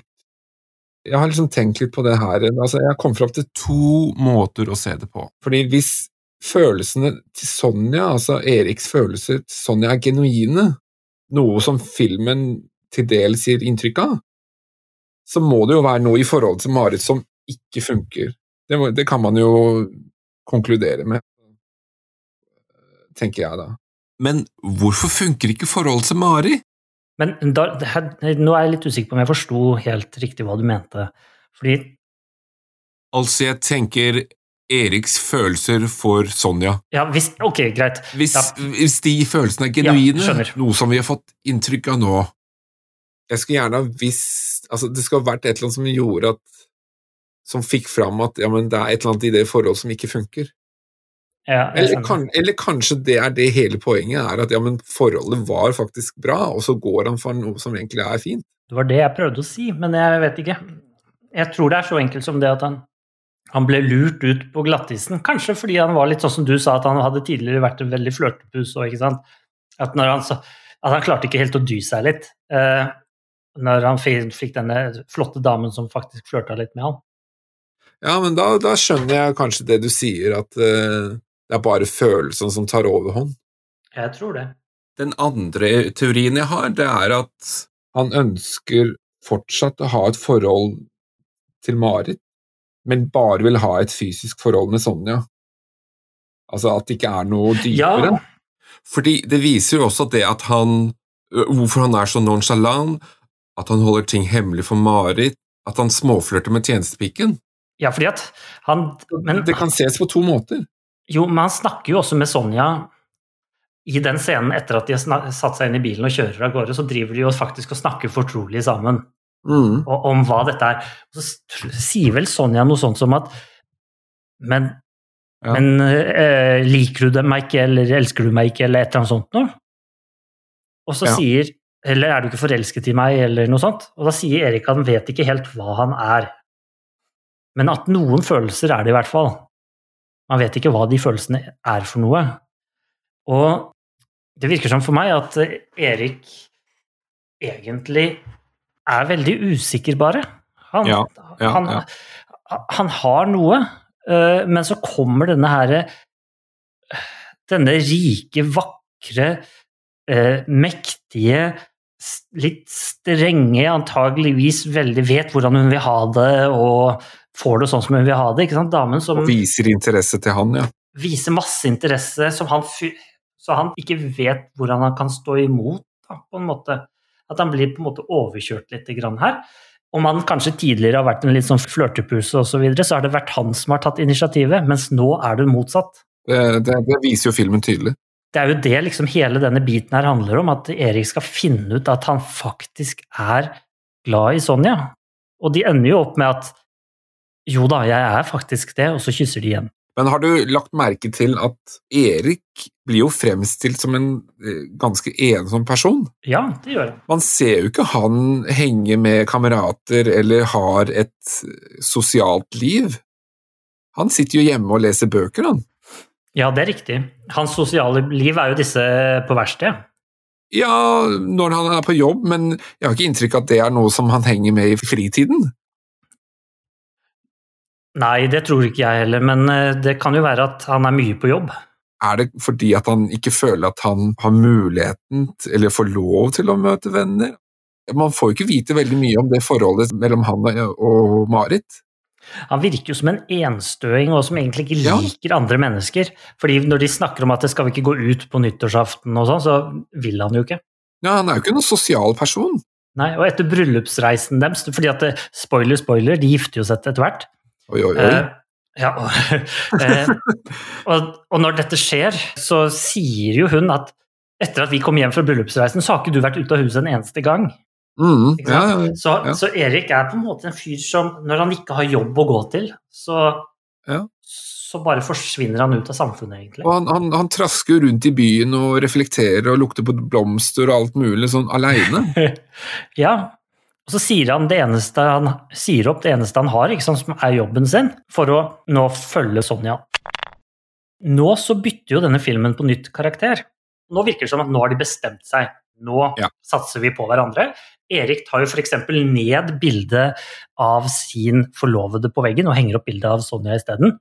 Ja, han stjeler det helt, eller, eller, bare legger han det ned? Ja, du, Det er jeg litt usikker på, men, eh, men det er jo et ganske drøyt steg å ta. Da viser du at da har, vi, da har vi bestemt oss. Og hun lover at nå skal jeg fortelle herr Rentoft at eh, vi må skilles, ja. og jeg ønsker å satse på deg. Og det skal skje over middag på et bord som nesten er like langt som bord i Coming to America. Med Eddie Murphy der. eller uh, kelneren og hovmesteren, holdt jeg på å si. Eller ja, og hovmesteren. Og hovmesteren. Ja. Her er også et kjempelangt bord.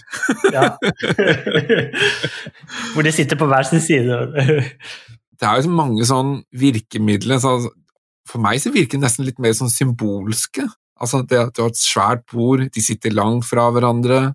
Og, og, og jeg merker at det er, det er, flere sånne ting denne filmen er fylt med. Senere så har du en sånn eh, en, eh, hvor de sitter ute i en restaurant, og så har de en sånn klokke som er laget av noe glass og noen, eh, altså noen vinglass, og så har de sånn visere som er sånn flasker, ikke sant. Altså klokken går, og ja. folk drikker, ikke sant. Altså, det er veldig mye sånn symbolske bilder da, som dukker opp. Jeg er enig i det. Det er eh, ofte Jeg synes generelt så er det bra filmografi på denne filmen. Jeg synes den løser de meste tingene veldig godt. Ja.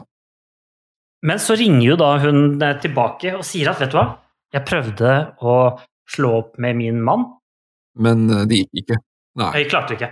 Og da blir jo Erik fly gæren og kaster bildet av Sonja på bakken så det knuser. Ja, så, så her er jo fra nå av utover så er det jo filmen svinger liksom veldig fram og tilbake. Følelsene går opp og ned.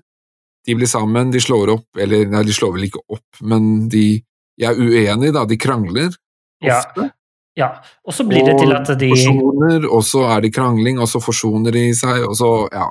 Det er på en måte de går litt sånn fram og tilbake, ja. inntil vi da bytter en scene med at vi har en litt sånn artig liten sak en gang hvor, ja, hvor det blir et lite spørsmål om, eh, om, om da skilsmissen, og hvor, hvor, det da sitter en fyr i gangen ved siden av Erik og lurer på hvorfor i all verden han sitter her, om han er vitne eller ikke. Ja. eh, og så svarer han nei, jeg er på mange måter den tiltalte. Og så etter at den skilsmissesaken har vært, og han sier i praksis til dommeren der at de kommer til å gifte seg etterpå, og at eh, de har hatt et forhold som har pågått i lang tid. Så kommer han tilbake ut igjen på gangen, og så møter han den samme personen som han sa at han hadde vært tiltalt til. Så får han spørsmålet eh, hvordan gikk det? Da svarer han ja, det ble vel livsvarig. så, så nå må han gifte seg, og det kommer til å vare hele livet.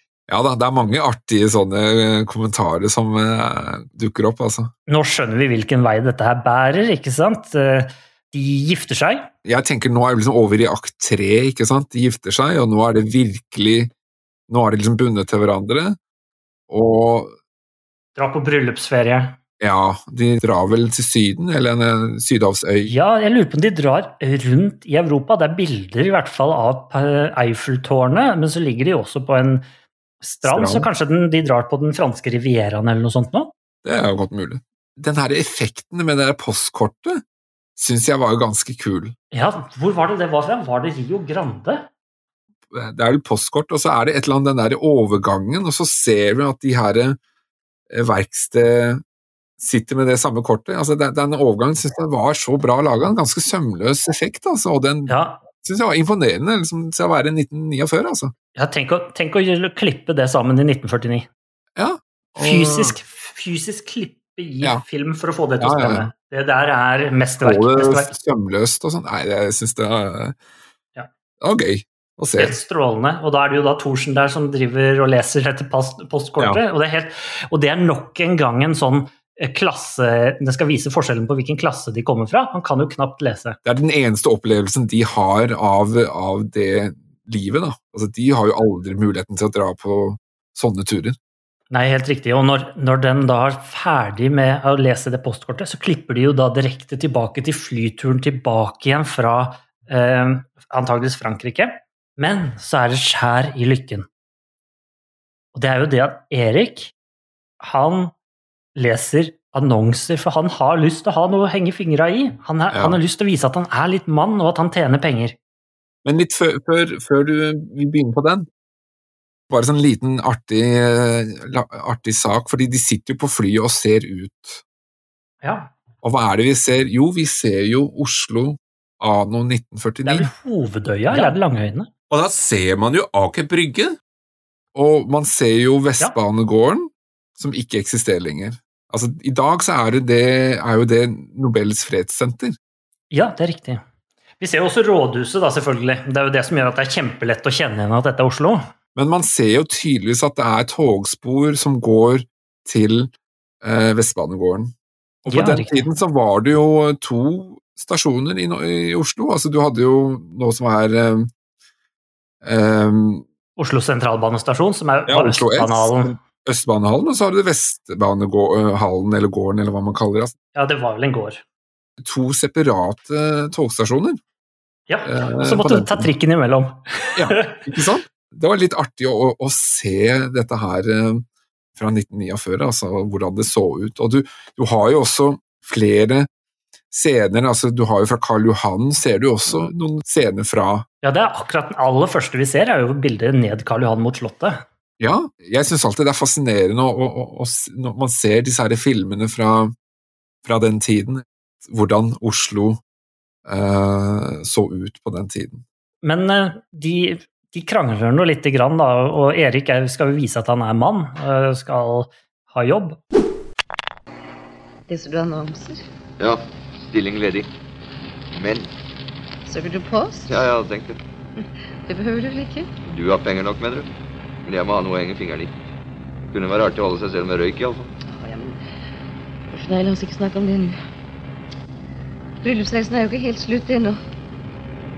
Dette her er jo et spennende lite klipp eller en liten scene i denne, i denne filmen som viser mm. Eh, forskjellen kanskje i motivasjonen til disse to personene, Sonja og Erik. Eh, og for her snakker jo Sonja med vennene sine. Eh, det sier jo veldig mye om henne. altså at På den ene siden så er hun interessert i Erik, og så på den andre siden, når hun kanskje er sammen med venninnene, så, så, så, tenker hun kanskje litt annerledes. Ja, fordi at Erik hele, flere ganger gjennom denne filmen refererer til disse, kvinnene, disse vennene som liksom sånne toxic personer som ødelegger ja. forholdet deres. Ja, ja, ja. Altså Man pleier jo gjerne å presentere personene man blir sammen med eh, ja. for vennene sine, og det har åpenbart ikke skjedd her.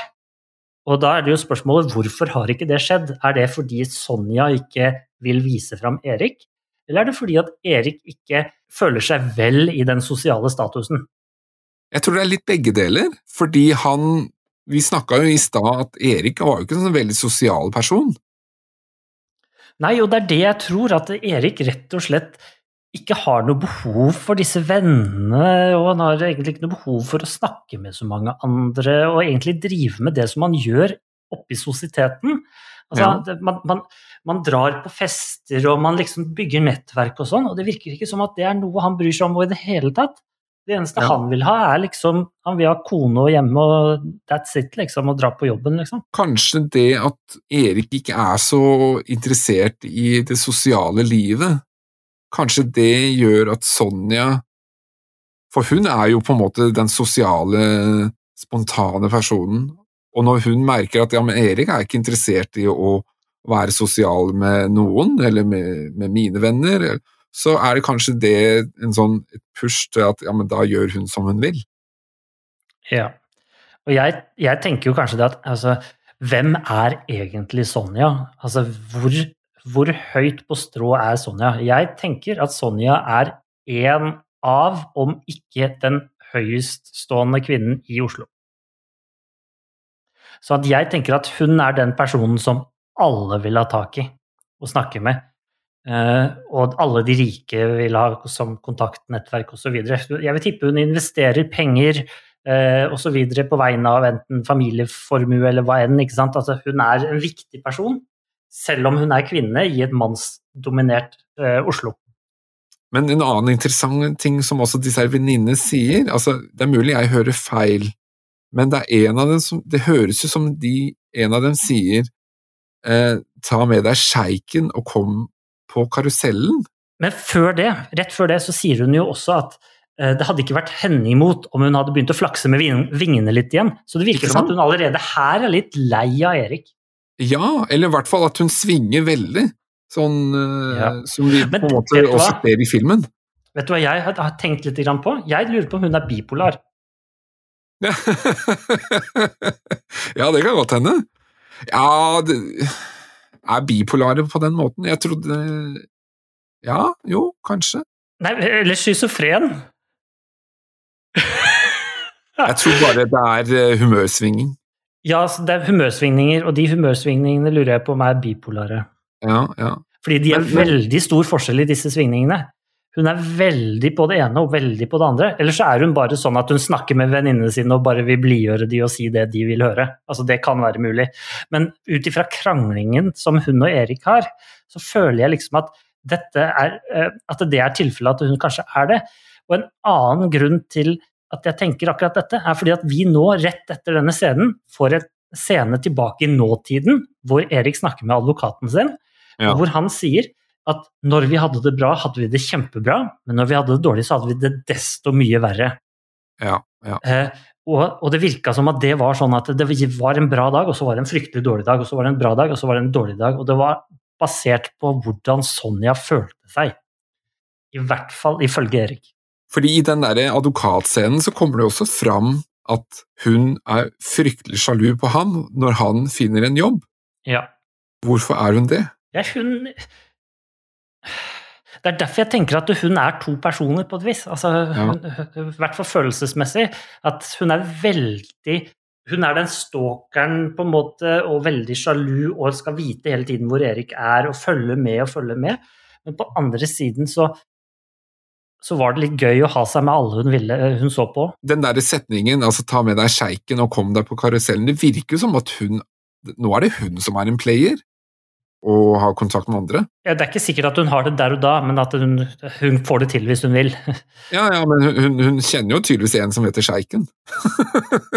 Ja, det, det, det gjør hun nok, men altså Hvis det er én person, eller om det bare er et sånt generelt ord for å, å finne noen.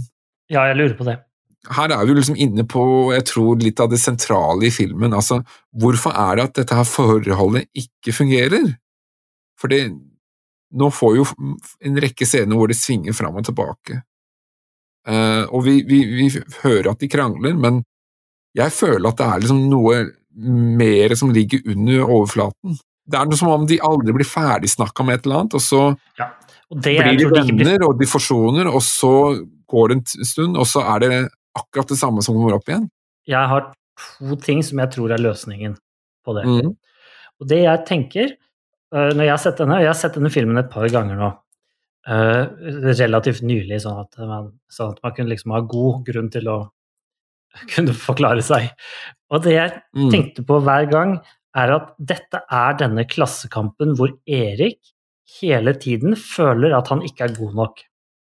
Og han alltid Han føler seg underlegen fordi at han er en mann i 1949 som lar eh, Som lever på sin kone.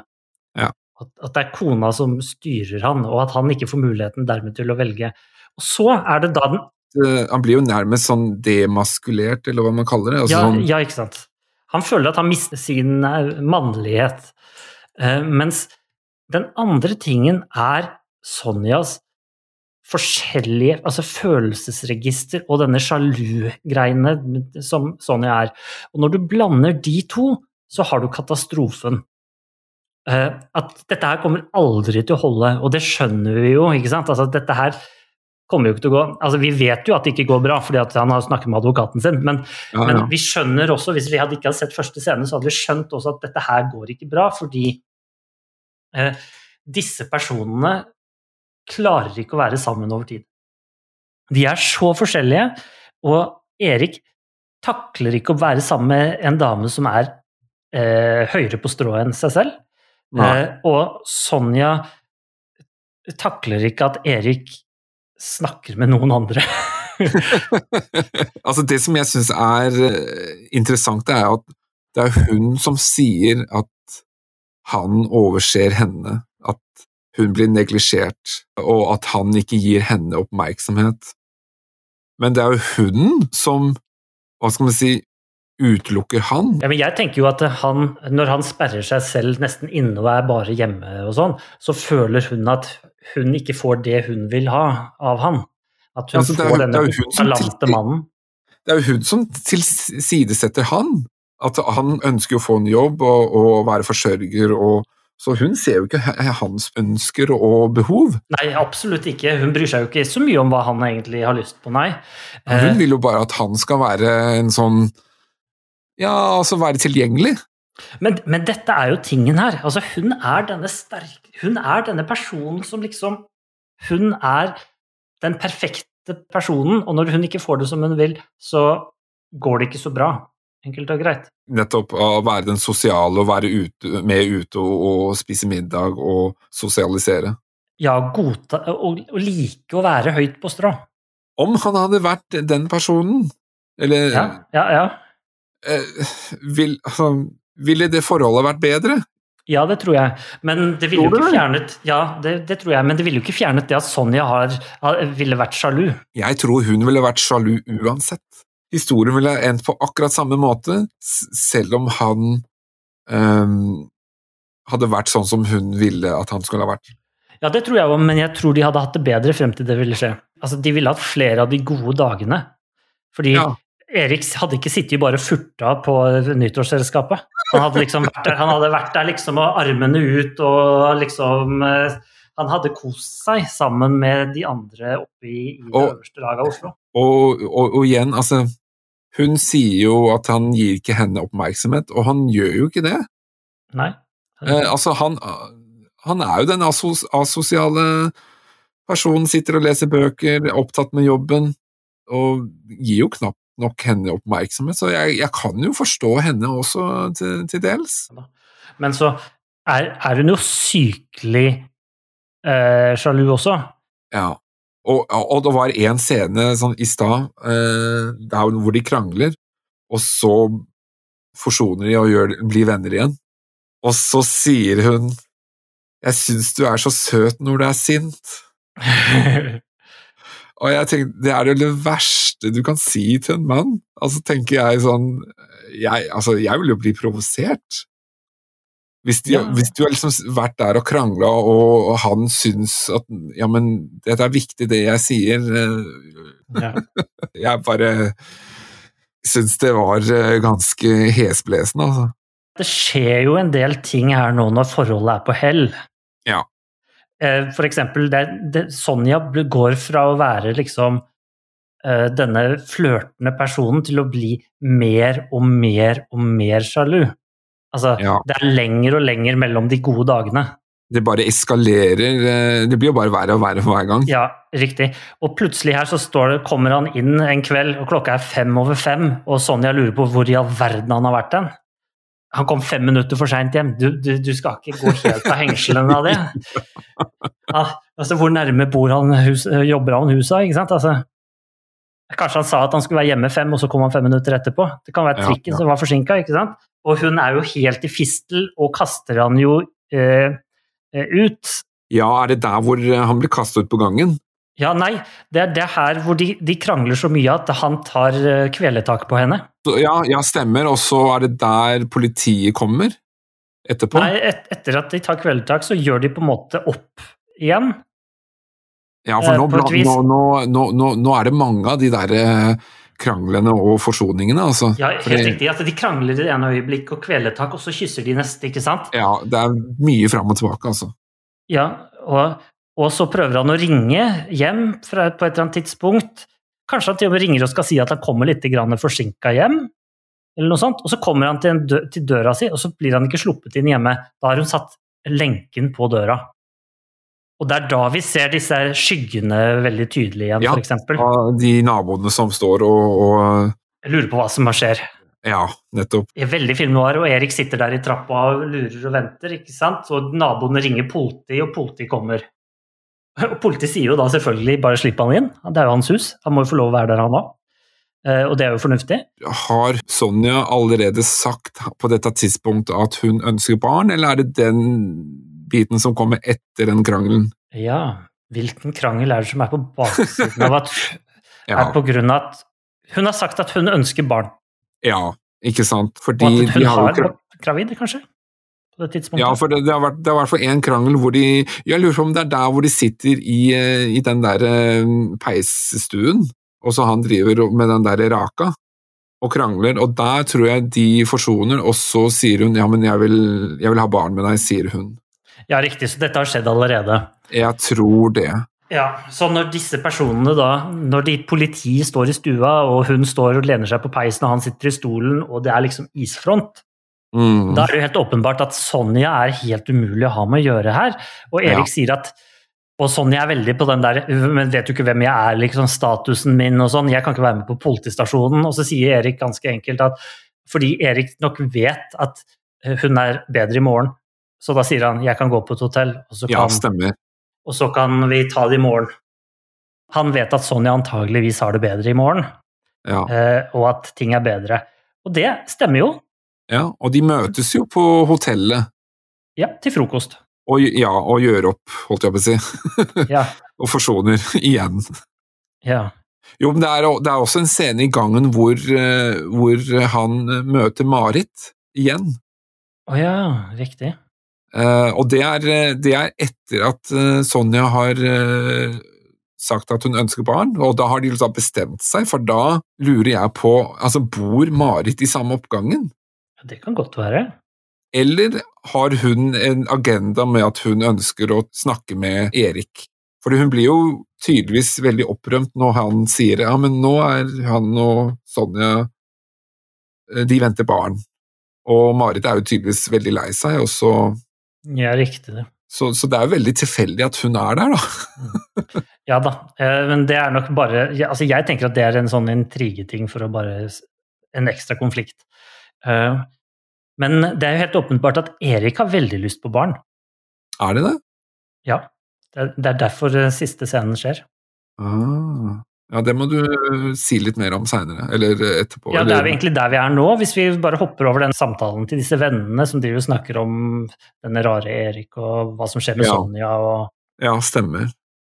Ja, det, det, det går ganske mye eh, fort fram nå. Ja, fordi at det som skjer her, er jo at hun snakker jo om at Erik kommer hjem, han har sendt et, en beskjed, eller skrevet en beskjed eller noe sånt, som sier at han kommer til å komme hjem presis, osv. Ja, Eh, telegram, ja. Stemmer. Ja, det, det høres jo veldig merkelig ut at det skulle rekke, men det er mulig han har vært borte på noe lengre tur, da. Ja, altså, på det telegrammet så står det at han er i Sandefjord. Ja, riktig. Ok, ja, det gir jo mening. Og tingen er at i hvert fall uansett når han kommer da, hjem eh, igjen og lurer litt grann på hvor hun Sonja er hen, så finner han Sonja i senga og så videre. Ja, Eh, så- kjempesur. Ja, sur, pottesur, skikkelig grinete. Eh, og Erik er ikke spesielt fornøyd, han heller, sånn egentlig, sånn i utgangspunktet, men ikke sånn super Han er ikke veldig grinete, liksom. Han bare tenkte lurte på at, ja, hvorfor er, hva er det som er gærent, liksom. Ja, Eh, Han kjenner jo kona seg litt nå, så jeg skjønner jo at det her kan det være hva som helst. ja, Eh. Og hun blir jo så sinnssykt sur her i denne scenen. Og så sier hun, når Erik er på badet, sier hun at du skal ikke bli far lenger, jeg har fjernet det. ja, for hun har liksom Mens han har vært borte, så har hun, hun liksom tatt, tatt en avgjørelse helt på egen hånd, uten å inkludere han. Ja, hun har tatt abort eh, mens han var i forretninger i Sandefjord. Og bare det å ta abort i 1949 er jo ganske drøy ting å gjøre. Ja, det tenkte jeg akkurat på nå, altså, hvor, hvor vanlig var det? Nei, det var nok ikke spesielt vanlig, det var vel ikke lov engang. Ja, du, det skal jeg ikke si med 100 sikkerhet, men altså, det var i hvert fall ikke sett veldig positivt på. Eh, og det var nok noe hun kunne gjøre fordi hun var av høy rang i klassen, eh, samfunnet og sånn, kunne bestille privatdoktor som kunne fikse dette ja. for henne. Hun hadde jo statue. Ja, ikke sant? Så, som da hadde da fjernet dette barnet, og Mm. da skjer da, da går switchen i hjernen på Erik. Og han tenker Han blir skikkelig, skikkelig sur. Og han tar da og løper Han liksom konfronterer eh, henne skikkelig ut av badet der. Og Sonja tar da og løper mot vinduet og roper 'Han dreper meg, han dreper meg'. Ja. Eh, og så slåss de i senga. Eh, og så tar Sonja og griper tak i en fruktkniv. ja, det er verdens sløveste kniv. Ja, og som hun slår da i, i ansiktet til Erik, sånn at han begynner å blø. Og det er det vi ser som drypper bortover. Og så, og så ser vi at det drypper på et ark, og så kommer politiet etter hvert, fordi at de naboene har jo ringt. Og når politiet kommer, så ser vi at Erik står der med blødende øye, og så får han spørsmål har du drept kona di. Så svarer Erik ja. Eh, Ja, og- og ok. da- Ja. ja, riktig. Det er bare en tanke som slo meg, for det, det Altså, vet vi at det er han som har gjort det? Ja, han sier det. Ja, men jeg tenkte på, kan det være um, Kanskje hun drepte seg selv? Ja, vi vet det fordi at det, politiet sier at det var kveling. Ja Det er veldig vrient å kvele seg selv. det, det, det er det nok. Ja, Og han prøvde jo faktisk på det tidligere. ja ikke sant? Eh, Men det er dette her som er litt spesielt, fordi denne scenen er en ekte scene. Dette har skjedd før, i virkeligheten. Fordi Arve Moens bok fra 1948, som, denne film, som, eh, som er 'Døden er et kjærtegn', Ja. som Edith Edi Kalmar baserte denne filmen på, den baserer seg på et ekte drap som skjedde eh, i dagene i maidagene 1936. Som ble kalt for tragedien i Bjørn Færmanns gate i avisene. Og der så sto det i, da, i denne avisen, som het eh, Handels- og sjøfartstidene, så sto det at 6. mai 1936 har eh, nå bilselgeren Konrad Knutsen blitt fremstilt for varetektsfengsling i Oslo Mm. eh, for drap. Og, hun, og drapet skulle da være på hans kone, en eldre frue med navnet Astrid Knutsen, som kom fra et høyere sosialt sjikt. Og så skriver de følgende Da hushjelpen kom med kaffen, tok Knutsen tak i henne og sendte henne temmelig kraftig ut og låste døren etter henne. Så sparket han ut det tynne feltet i døren inn til hustruen. Hun løp til vinduet, ropte etter hjelp, griper en fruktkniv og flenger han over øyet. Og så skjer det, men hvordan hun blir drept, vet man ikke, men man antok at det var med den tunge, knuste glassplaten til nattbordet som lå ved siden av. Og Ah. mannen som ble tatt for dette drapet, Konrad Knutsen, saksøkte eh, produsenten av 'Døden er et kjærtegn', filmen, Oi. fordi han mente han hadde lidd nok pga. drapet sitt, Ah. som han hadde gjennomført på sin kone. Som han da selv mente at det egentlig var selvforsvar, men ja. så er denne her filmen den er ganske Hva skal man si Ja, det vet man kanskje ikke om den følger virkeligheten slag for slag. Nei. Nei, så filmen gjør nok ikke det, men denne scenen er en ekte scene som skjedde Ja. mellom Konrad Knutsen og hans kone Astrid Knutsen, som var en eldre, høytstående frue i Oslo. Mm, ja. Og det var en bilselger, osv. Så, videre. så det er akkurat det samme. Det er litt morsomt. Ja, det, det var interessant. Og, og han her Arve Moen, han som har skrevet boken, han har jo også virket som som dommerfullmektig. og Det er jo sannsynligvis kanskje der han har fått den uh, historien fra. Ja, og tingen at det er en, altså fruktkniver altså jeg, eh, Min bestemor hadde fruktkniver. Altså de kunne du Du kunne skjære de i armen. altså Du ville ikke få, en, få noe problemer, det ville ikke gjøre vondt engang. De er så supersløve. Ja, Eh. det var det, også det jeg eh, slo meg, altså. At, uh... Og det at han i det hele tatt klarte å få en flenge over øyet, betyr at hun må ha slått med et kraftig altså, kraftig, kraftig ja, eh, ja, greie. Men det at scenen er helt lik som det som sto beskrevet i avisa i 1936 uh, Ja. Det er, og at mannen saksøkte etterpå.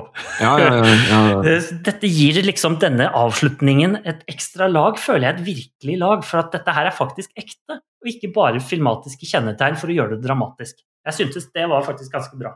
En artig kuriositet. Ja, Jeg sitter jo litt igjen og tenker ja, men hva har egentlig han vært for henne? For det, det virker som at hun hun har på en måte hatt sin egen agenda gjennom hele filmen, eller historien. Ja. På overflaten så virker det som at han har vært mer glad i henne enn hun har vært glad i han. ja det kan godt være. Eh, Jeg tenker nei, ja, det blir kanskje litt feil å si. Jeg tror, jeg tror faktisk begge har vært glad i hverandre. Jeg men- tror også det. Men du har disse her øyeblikkene hvor eh, hun tydeligvis avviser han totalt, og på en måte er eh, altså totalt uenig i han. Utestenger han, liksom, og ja. Jeg tror vel egentlig kanskje hun fikk noe annet enn det hun trodde hun kom til å få. ja. Hun endte opp med denne sjenerte duden, liksom. Men var Eller litt- enstøingen av en fyr, mens hun kanskje trodde at han var liksom den flørtende Ja, som liksom ja, ville ja. like seg opp i øverste klasse. Jeg, jeg tror at dette her er en sånn klassekritikk, altså at eh, det skal, du er låst i den klassen du er, og du, du, vil, du, vil, du føler ikke at du er god nok for høyere nivå, osv. Eh, og jeg tenker også at eh, denne Altså at svaret på om om, at, om han elsket henne eller ikke, kommer litt grann i den rettssaken som vi får høre rett etterpå. Mm. Eh, som for så vidt ikke er sånn superviktig for filmen på noen måte, men den, den avslutter filmen på et vis. Hvor, det, hvor han sier at, han, at dette er ikke noe han eh, Altså at han angret på det, egentlig, men han, Mm. han ja. var Han ikke kunne sikker ikke på gjøre at det ikke, annerledes. han kunne ikke gjort noe annerledes likevel. Altså, han ja. følte likevel at det var en Det var nesten umulig å komme utenom. Erik sier også noe som jeg syns er sentralt i filmen. Altså tidligere, hvor de sitter og er tydeligvis uenige da, og krangler. Og så sier han eh, Kan vi ikke bare være Er det ikke mulig å være uenig uten å være uvenner? Erik er, sier jo en annen ting også i denne rettssaken. Han sier jo det at hvis disse to personene aldri hadde møtt hverandre, så ville han aldri blitt morder. Mm. Eh, eh, og han, han sier på en måte at det er noe så spesielt med Sonja som både bringer det beste og det verste fram i deg. Og at eh, hvis han bare hadde Han sier jo ikke dette her, men hadde han bare blitt med Marit, så hadde det gått bra, liksom. Det var nok mye mer spennende i teorien, dette kjærlighetsforholdet med denne, denne vakre og, og veldig slagkraftige kvinnen, Mm. som kanskje etter hvert ble for mye for han da, på grunn av sjalusi og at hun rett og slett overså han etter hvert. Men da er vi jo egentlig ferdig med filmen. Ja, han blir jo fengslet, jeg lurer på det er fem år eller noe sånt, ja, eh, han får for dette her. Og han sier liksom det han føler for i slutten av eh, filmen, og kommer litt sånn, sånn ut av det. Rettssaksscenen den hadde vi ikke trengt, egentlig. Den, den binder ikke opp alle trådene uansett. Nei, den virker Eh, litt overflødig. Jeg er Men enig i det. eh, ja, for vi føler liksom at det viktigste allerede har skjedd. Har du noen siste tanker sånn, øh, sånn helhetlig på filmen, sånn før vi over til neste punkt? Jeg tenker at dette her er en film som er veldig viktig for hva den tar opp. At det er en dristig film. En film som tar opp problemstillinger som vi ikke har sett før. Den er jo laget av en kvinne, noe som i seg selv i en mannsdominert verden kunne være nok til å ikke få sendetid. Eh, men hun har nok brukt Hennes mann har nok stått god for den, eh, siden han allerede var godt inne i filmbransjen. Og at det gjorde det litt lettere. Eh, filmen som en helhet er kjempeinteressant og har mange spennende sider ved seg, som vi nå forhåpentligvis har gått litt igjennom. Eh, og jeg, jeg tenker at i 1949 så var dette sprengstoff. Altså. Jeg syns det som er interessant med, med, den filmen, er jo at den beskriver jo disse her forholdene som uh, man kanskje ikke turte å, å, snakke så mye om den gangen. Altså det at man hadde utenomekteskapelige forhold. At det faktisk skjedde, det var jo kanskje ikke tvil om, men at, det, at man faktisk får det fram, og at det skildrer noe fra den tiden. Ja, det syns jeg var interessant. Og, og, og, som du sier, det er, det er, jo sprengstoff, for det var jo ikke noe man snakket så høyt om. Nei, og folk i dag er jo ikke sånn at de nødvendigvis altså De tenker at vi er, er, så veldig moderne i dag, eh, og vi har våre samlivsformer som er så annerledes enn hvordan det var før. Og det er jo klart at det er veldig annerledes på utsiden, det er ikke nødvendigvis sånn at det var helt annerledes. Altså det, det var nok en hel del uh, slike forhold sånn som blir vist her i filmen også. Vi har nok en sånn idé om at uh, ting var mye mer konservativt før i tiden. Men i realiteten så tror jeg kanskje det er mye mer annerledes enn det vi ja. tror. Ja, vi, vi, vi, tenker nok at eh, ting var mye mer strikt enn det det var, fordi ja. at man hadde, man hadde denne kjernefamilie, eh, dette kjernefamilieidealet eh, med mann, og, mann, kone og barn, eh, som alle sammen var kjempeglade og smilte rundt komfyren, liksom. Det var nok ikke tilfellet, i hvert fall ikke når du har snakk om folk med så store midler som denne damen. Og Jeg syns også det er interessant det er med det temaet, liksom, hva er det som driver våre handlinger? Er det fornuften, er det følelser? Uh, uh, og det, det gjør, tar jo denne filmen opp veldig tydelig, hvor man følger Erik og, og Sonja. Og hva er det egentlig som ligger til grunn for de handlingene de gjør? Denne filmen tar jo opp så utrolig mye. Den tar jo opp for, for det første utenomekteskapelige forhold. Ja. Den tar opp kjærlighet, den tar opp sex, den tar opp øh, øh, Den tar opp øh, Å, kjære venn, jeg glemte hva jeg skulle si. ja, altså, den tar opp ensomhet og, og og frustrasjon og alle, alle disse følelsene som, som, på en måte er veldig naturlige for oss. Helt riktig, den tar opp eh, psykisk helse, den tar opp sånne spørsmål som vi i dag tenker at dette har vi ikke snakket om før. Og så lagde denne damen som sin debutfilm i 1958 her, eh, og 1959 lagde denne Nei, 1949 eh, lagde denne fantastiske filmen her, som ja tar opp alle disse tingene, i hvert fall stiller spørsmålene. Om den så ikke har alle svarene, så har den i hvert fall spørsmålene. Mm, mm. Eh, og det viser tilbake det jeg sa igjen. Altså, jeg tror dette her var eh, sprengstoff. Altså. Jeg er litt usikker på om, om Altså, når, når, man ser på selve skuespillet og sånn, om, om, det er på en måte noe som jeg vil huske, men det er kanskje mer enn liksom de temaene den tar opp, viktige temaer på den tiden i den konteksten av 1949. Eh, Spørsmålet er hvor mange filmer fra 1959, nei, 1949 du har sett, eh, sånn at vi kan sammenligne skuespillet med datidens skuespill. Ja. Fordi at det er jo veldig stakkato, og uh, kyssescenene er ikke all verdens. altså Det er en hel del sånne scener som virker veldig unaturlig, og måten de ja. snakker på er veldig rart, og det er litt stivt, og det går litt sakte innimellom. Og, ja. Men så har du også disse knallscenene som for eksempel når de har samleie første gang, mm. så viser de jo at det faktisk er litt skuespillerkvaliteter i disse personene likevel. Pluss at denne eh, personen på verkstedet, han er jo også en artig skrue, ikke sant? Altså, så det er jo lyspunkter skuespillermessig også, selv om ja, kanskje, kanskje, ikke alt er like bra som vi kunne forvente. og ja. Det virker litt sånn eh, B-film sånn skuespillmessig, men det får så være, tenker jeg. Når vi nå snakker om skuespill, jeg syns heller ikke det ødelegger for filmen. Det er ikke sånn at det skiller seg så mye ut at eh, jeg tenker at dette var eh, forferdelig å se. Nei, det er riktig. Absolutt ikke. Men, men jeg kommer jo ikke til å google disse personene for å se alle filmene deres heller. Sossen Krogh, kanskje? Nei, så lang tid har jeg ikke.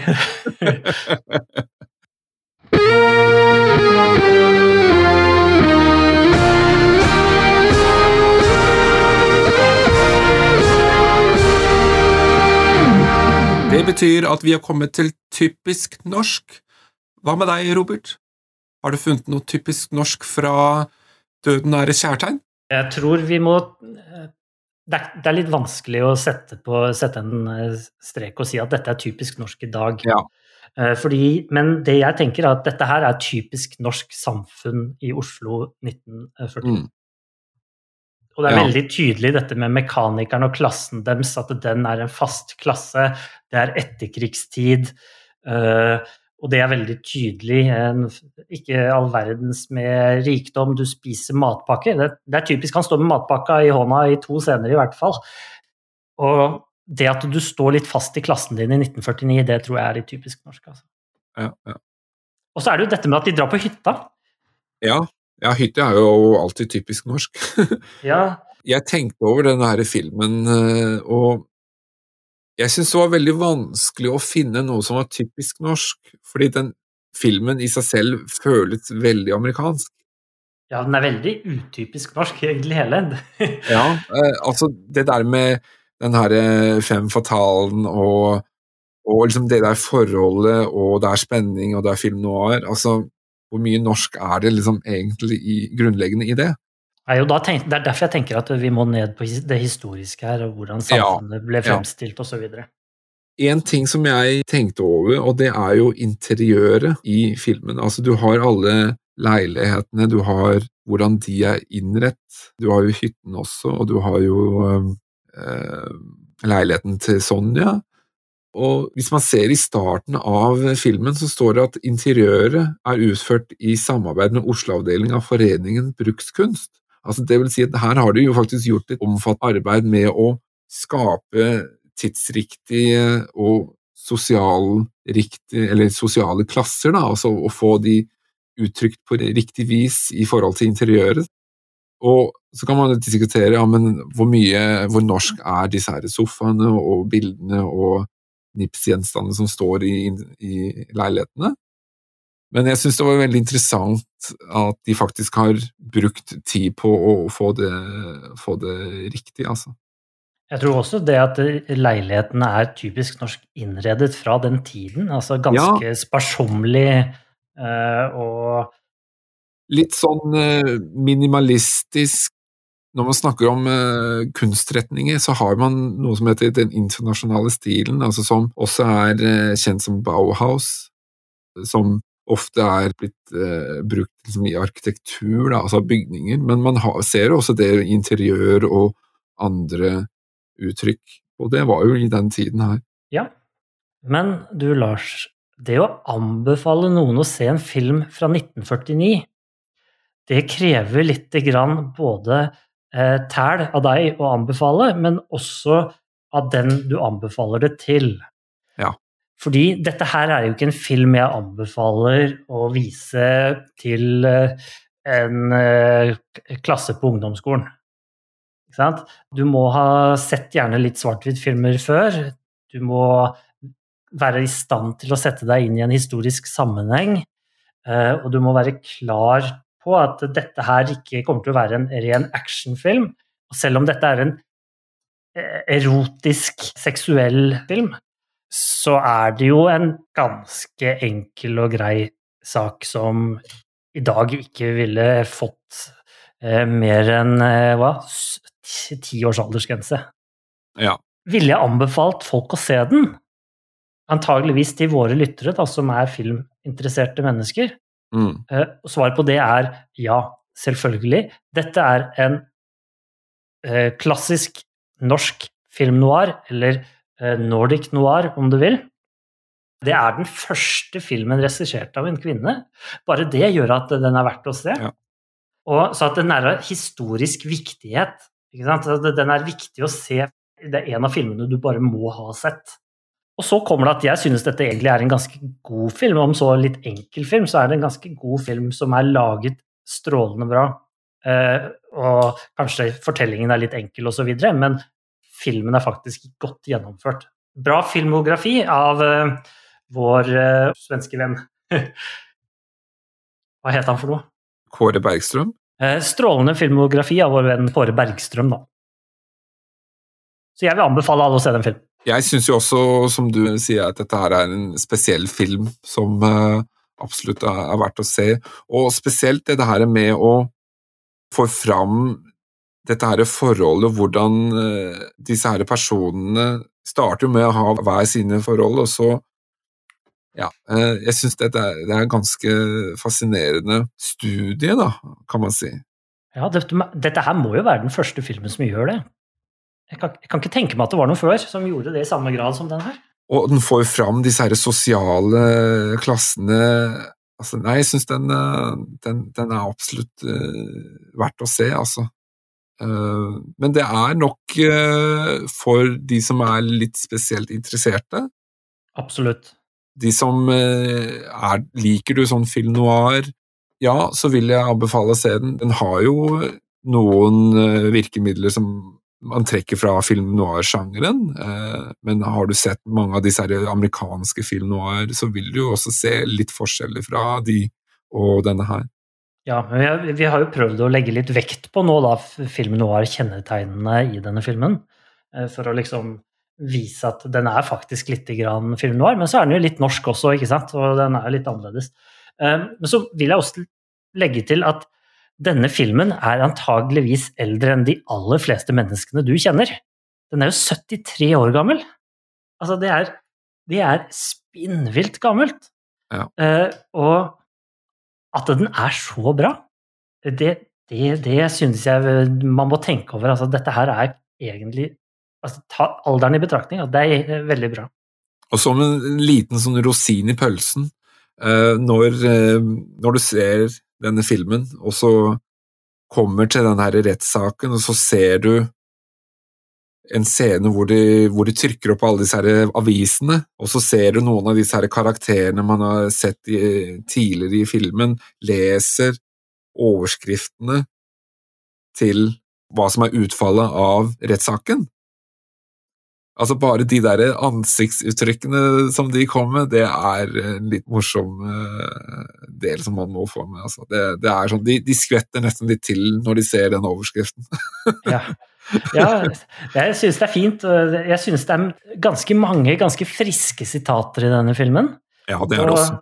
Ja, det er mye positivt, så det er mye å kose seg med, eh, selv om det kanskje ikke er verdens beste film. Men jeg anbefaler det til filmnerder i alle fall å se den filmen. Ja, det er i hvert fall den Det er et must for en filmnerd, vil jeg si. Must for en filmnerd. Eh, men nå, Lars, nå begynner vi å gå mot eh, slutten, og nå gleder jeg meg masse til å få avslørt hva denne filmen fra 2001 var for noe. Hva er det for en film vi får neste gang? Ja, eh, som nevnt så skal vi da fram til 2001. Det er en film som er regissert av Petter Ness, og jeg nevnte jo en lite clou uh, tidligere, at uh, hovedpersonen, karakteren, heter Kjell Bjarne.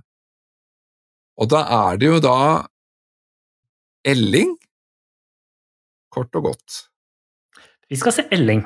Vi skal se Elling med Sven Nordin, Per Christian Ellefsen og Marit Pia Jacobsen.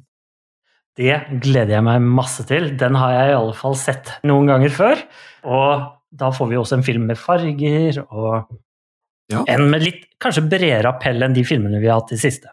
Når den kom ut, så ble jo den Altså Den ble jo ganske populær. Altså, den ble jo sett av mange, og øh, var jo en uh, kinosuksess. Selv jeg så denne på kino. Altså, Sven Nordin var jo kjent fra før av, men det var vel her hvor han på en måte virkelig viste Eller fikk vist hva han var god for. Dette kommer vi sikkert til å snakke litt om senere, men uh, mot i brøstet er gøy, det, altså. Men du trengte ikke å trengte ikke å være verdens beste skuespiller for å gjøre Nils, egentlig. Eh, trengte bare sparke av deg skoa i gangen, og så var du klar, ikke sant? Ja. Eh, men eh, dette gleder jeg meg masse til. Eh, når kommer da den eh, neste episoden ut? Hver episode kommer jo da ut siste søndag i hver måned. Så har vi også noen eh, bonusepisoder som kommer eh, ut av og til.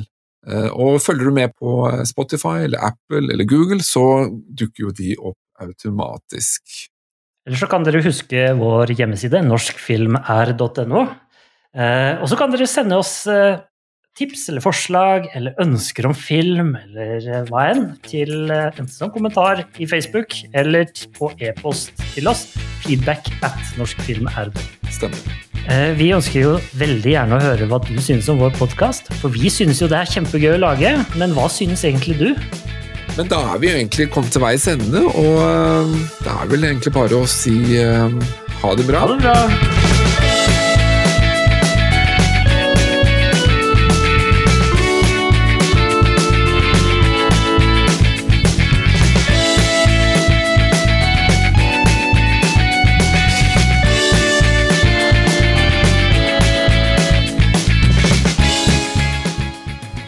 Og dermed så må dette ha vært en seksterne. Røyker hun etterpå? Altså- Ikke, ikke som jeg tenker. Jeg har liksom bare sånn et bilde av at eh, kvinner de røyker etter at de har hatt seg, men eh, sånn. Det er bare dine kvinner, det, Lars. Jeg synes hun så litt rar ut. Sånn, eh, ja. Det er mulig at det var måten hun var sminket på. Ja, det tror jeg måten Men Grunnen til at jeg tenker det, var fordi at når vi hadde nærbilde av ansiktet, så så hun ganske altså, Det var ganske vakkert ansikt når det var ganske nære. Mens Ja. på litt avstand og disse andre scenene så syns jeg hun så litt snodig ut. ja, det virker som hun har litt sånn der eh, spiss eh, kjevebein eller et eller annet sånt. Det er noe sånn amerikansk over det, altså. men det kan godt hende at det er sminkingen.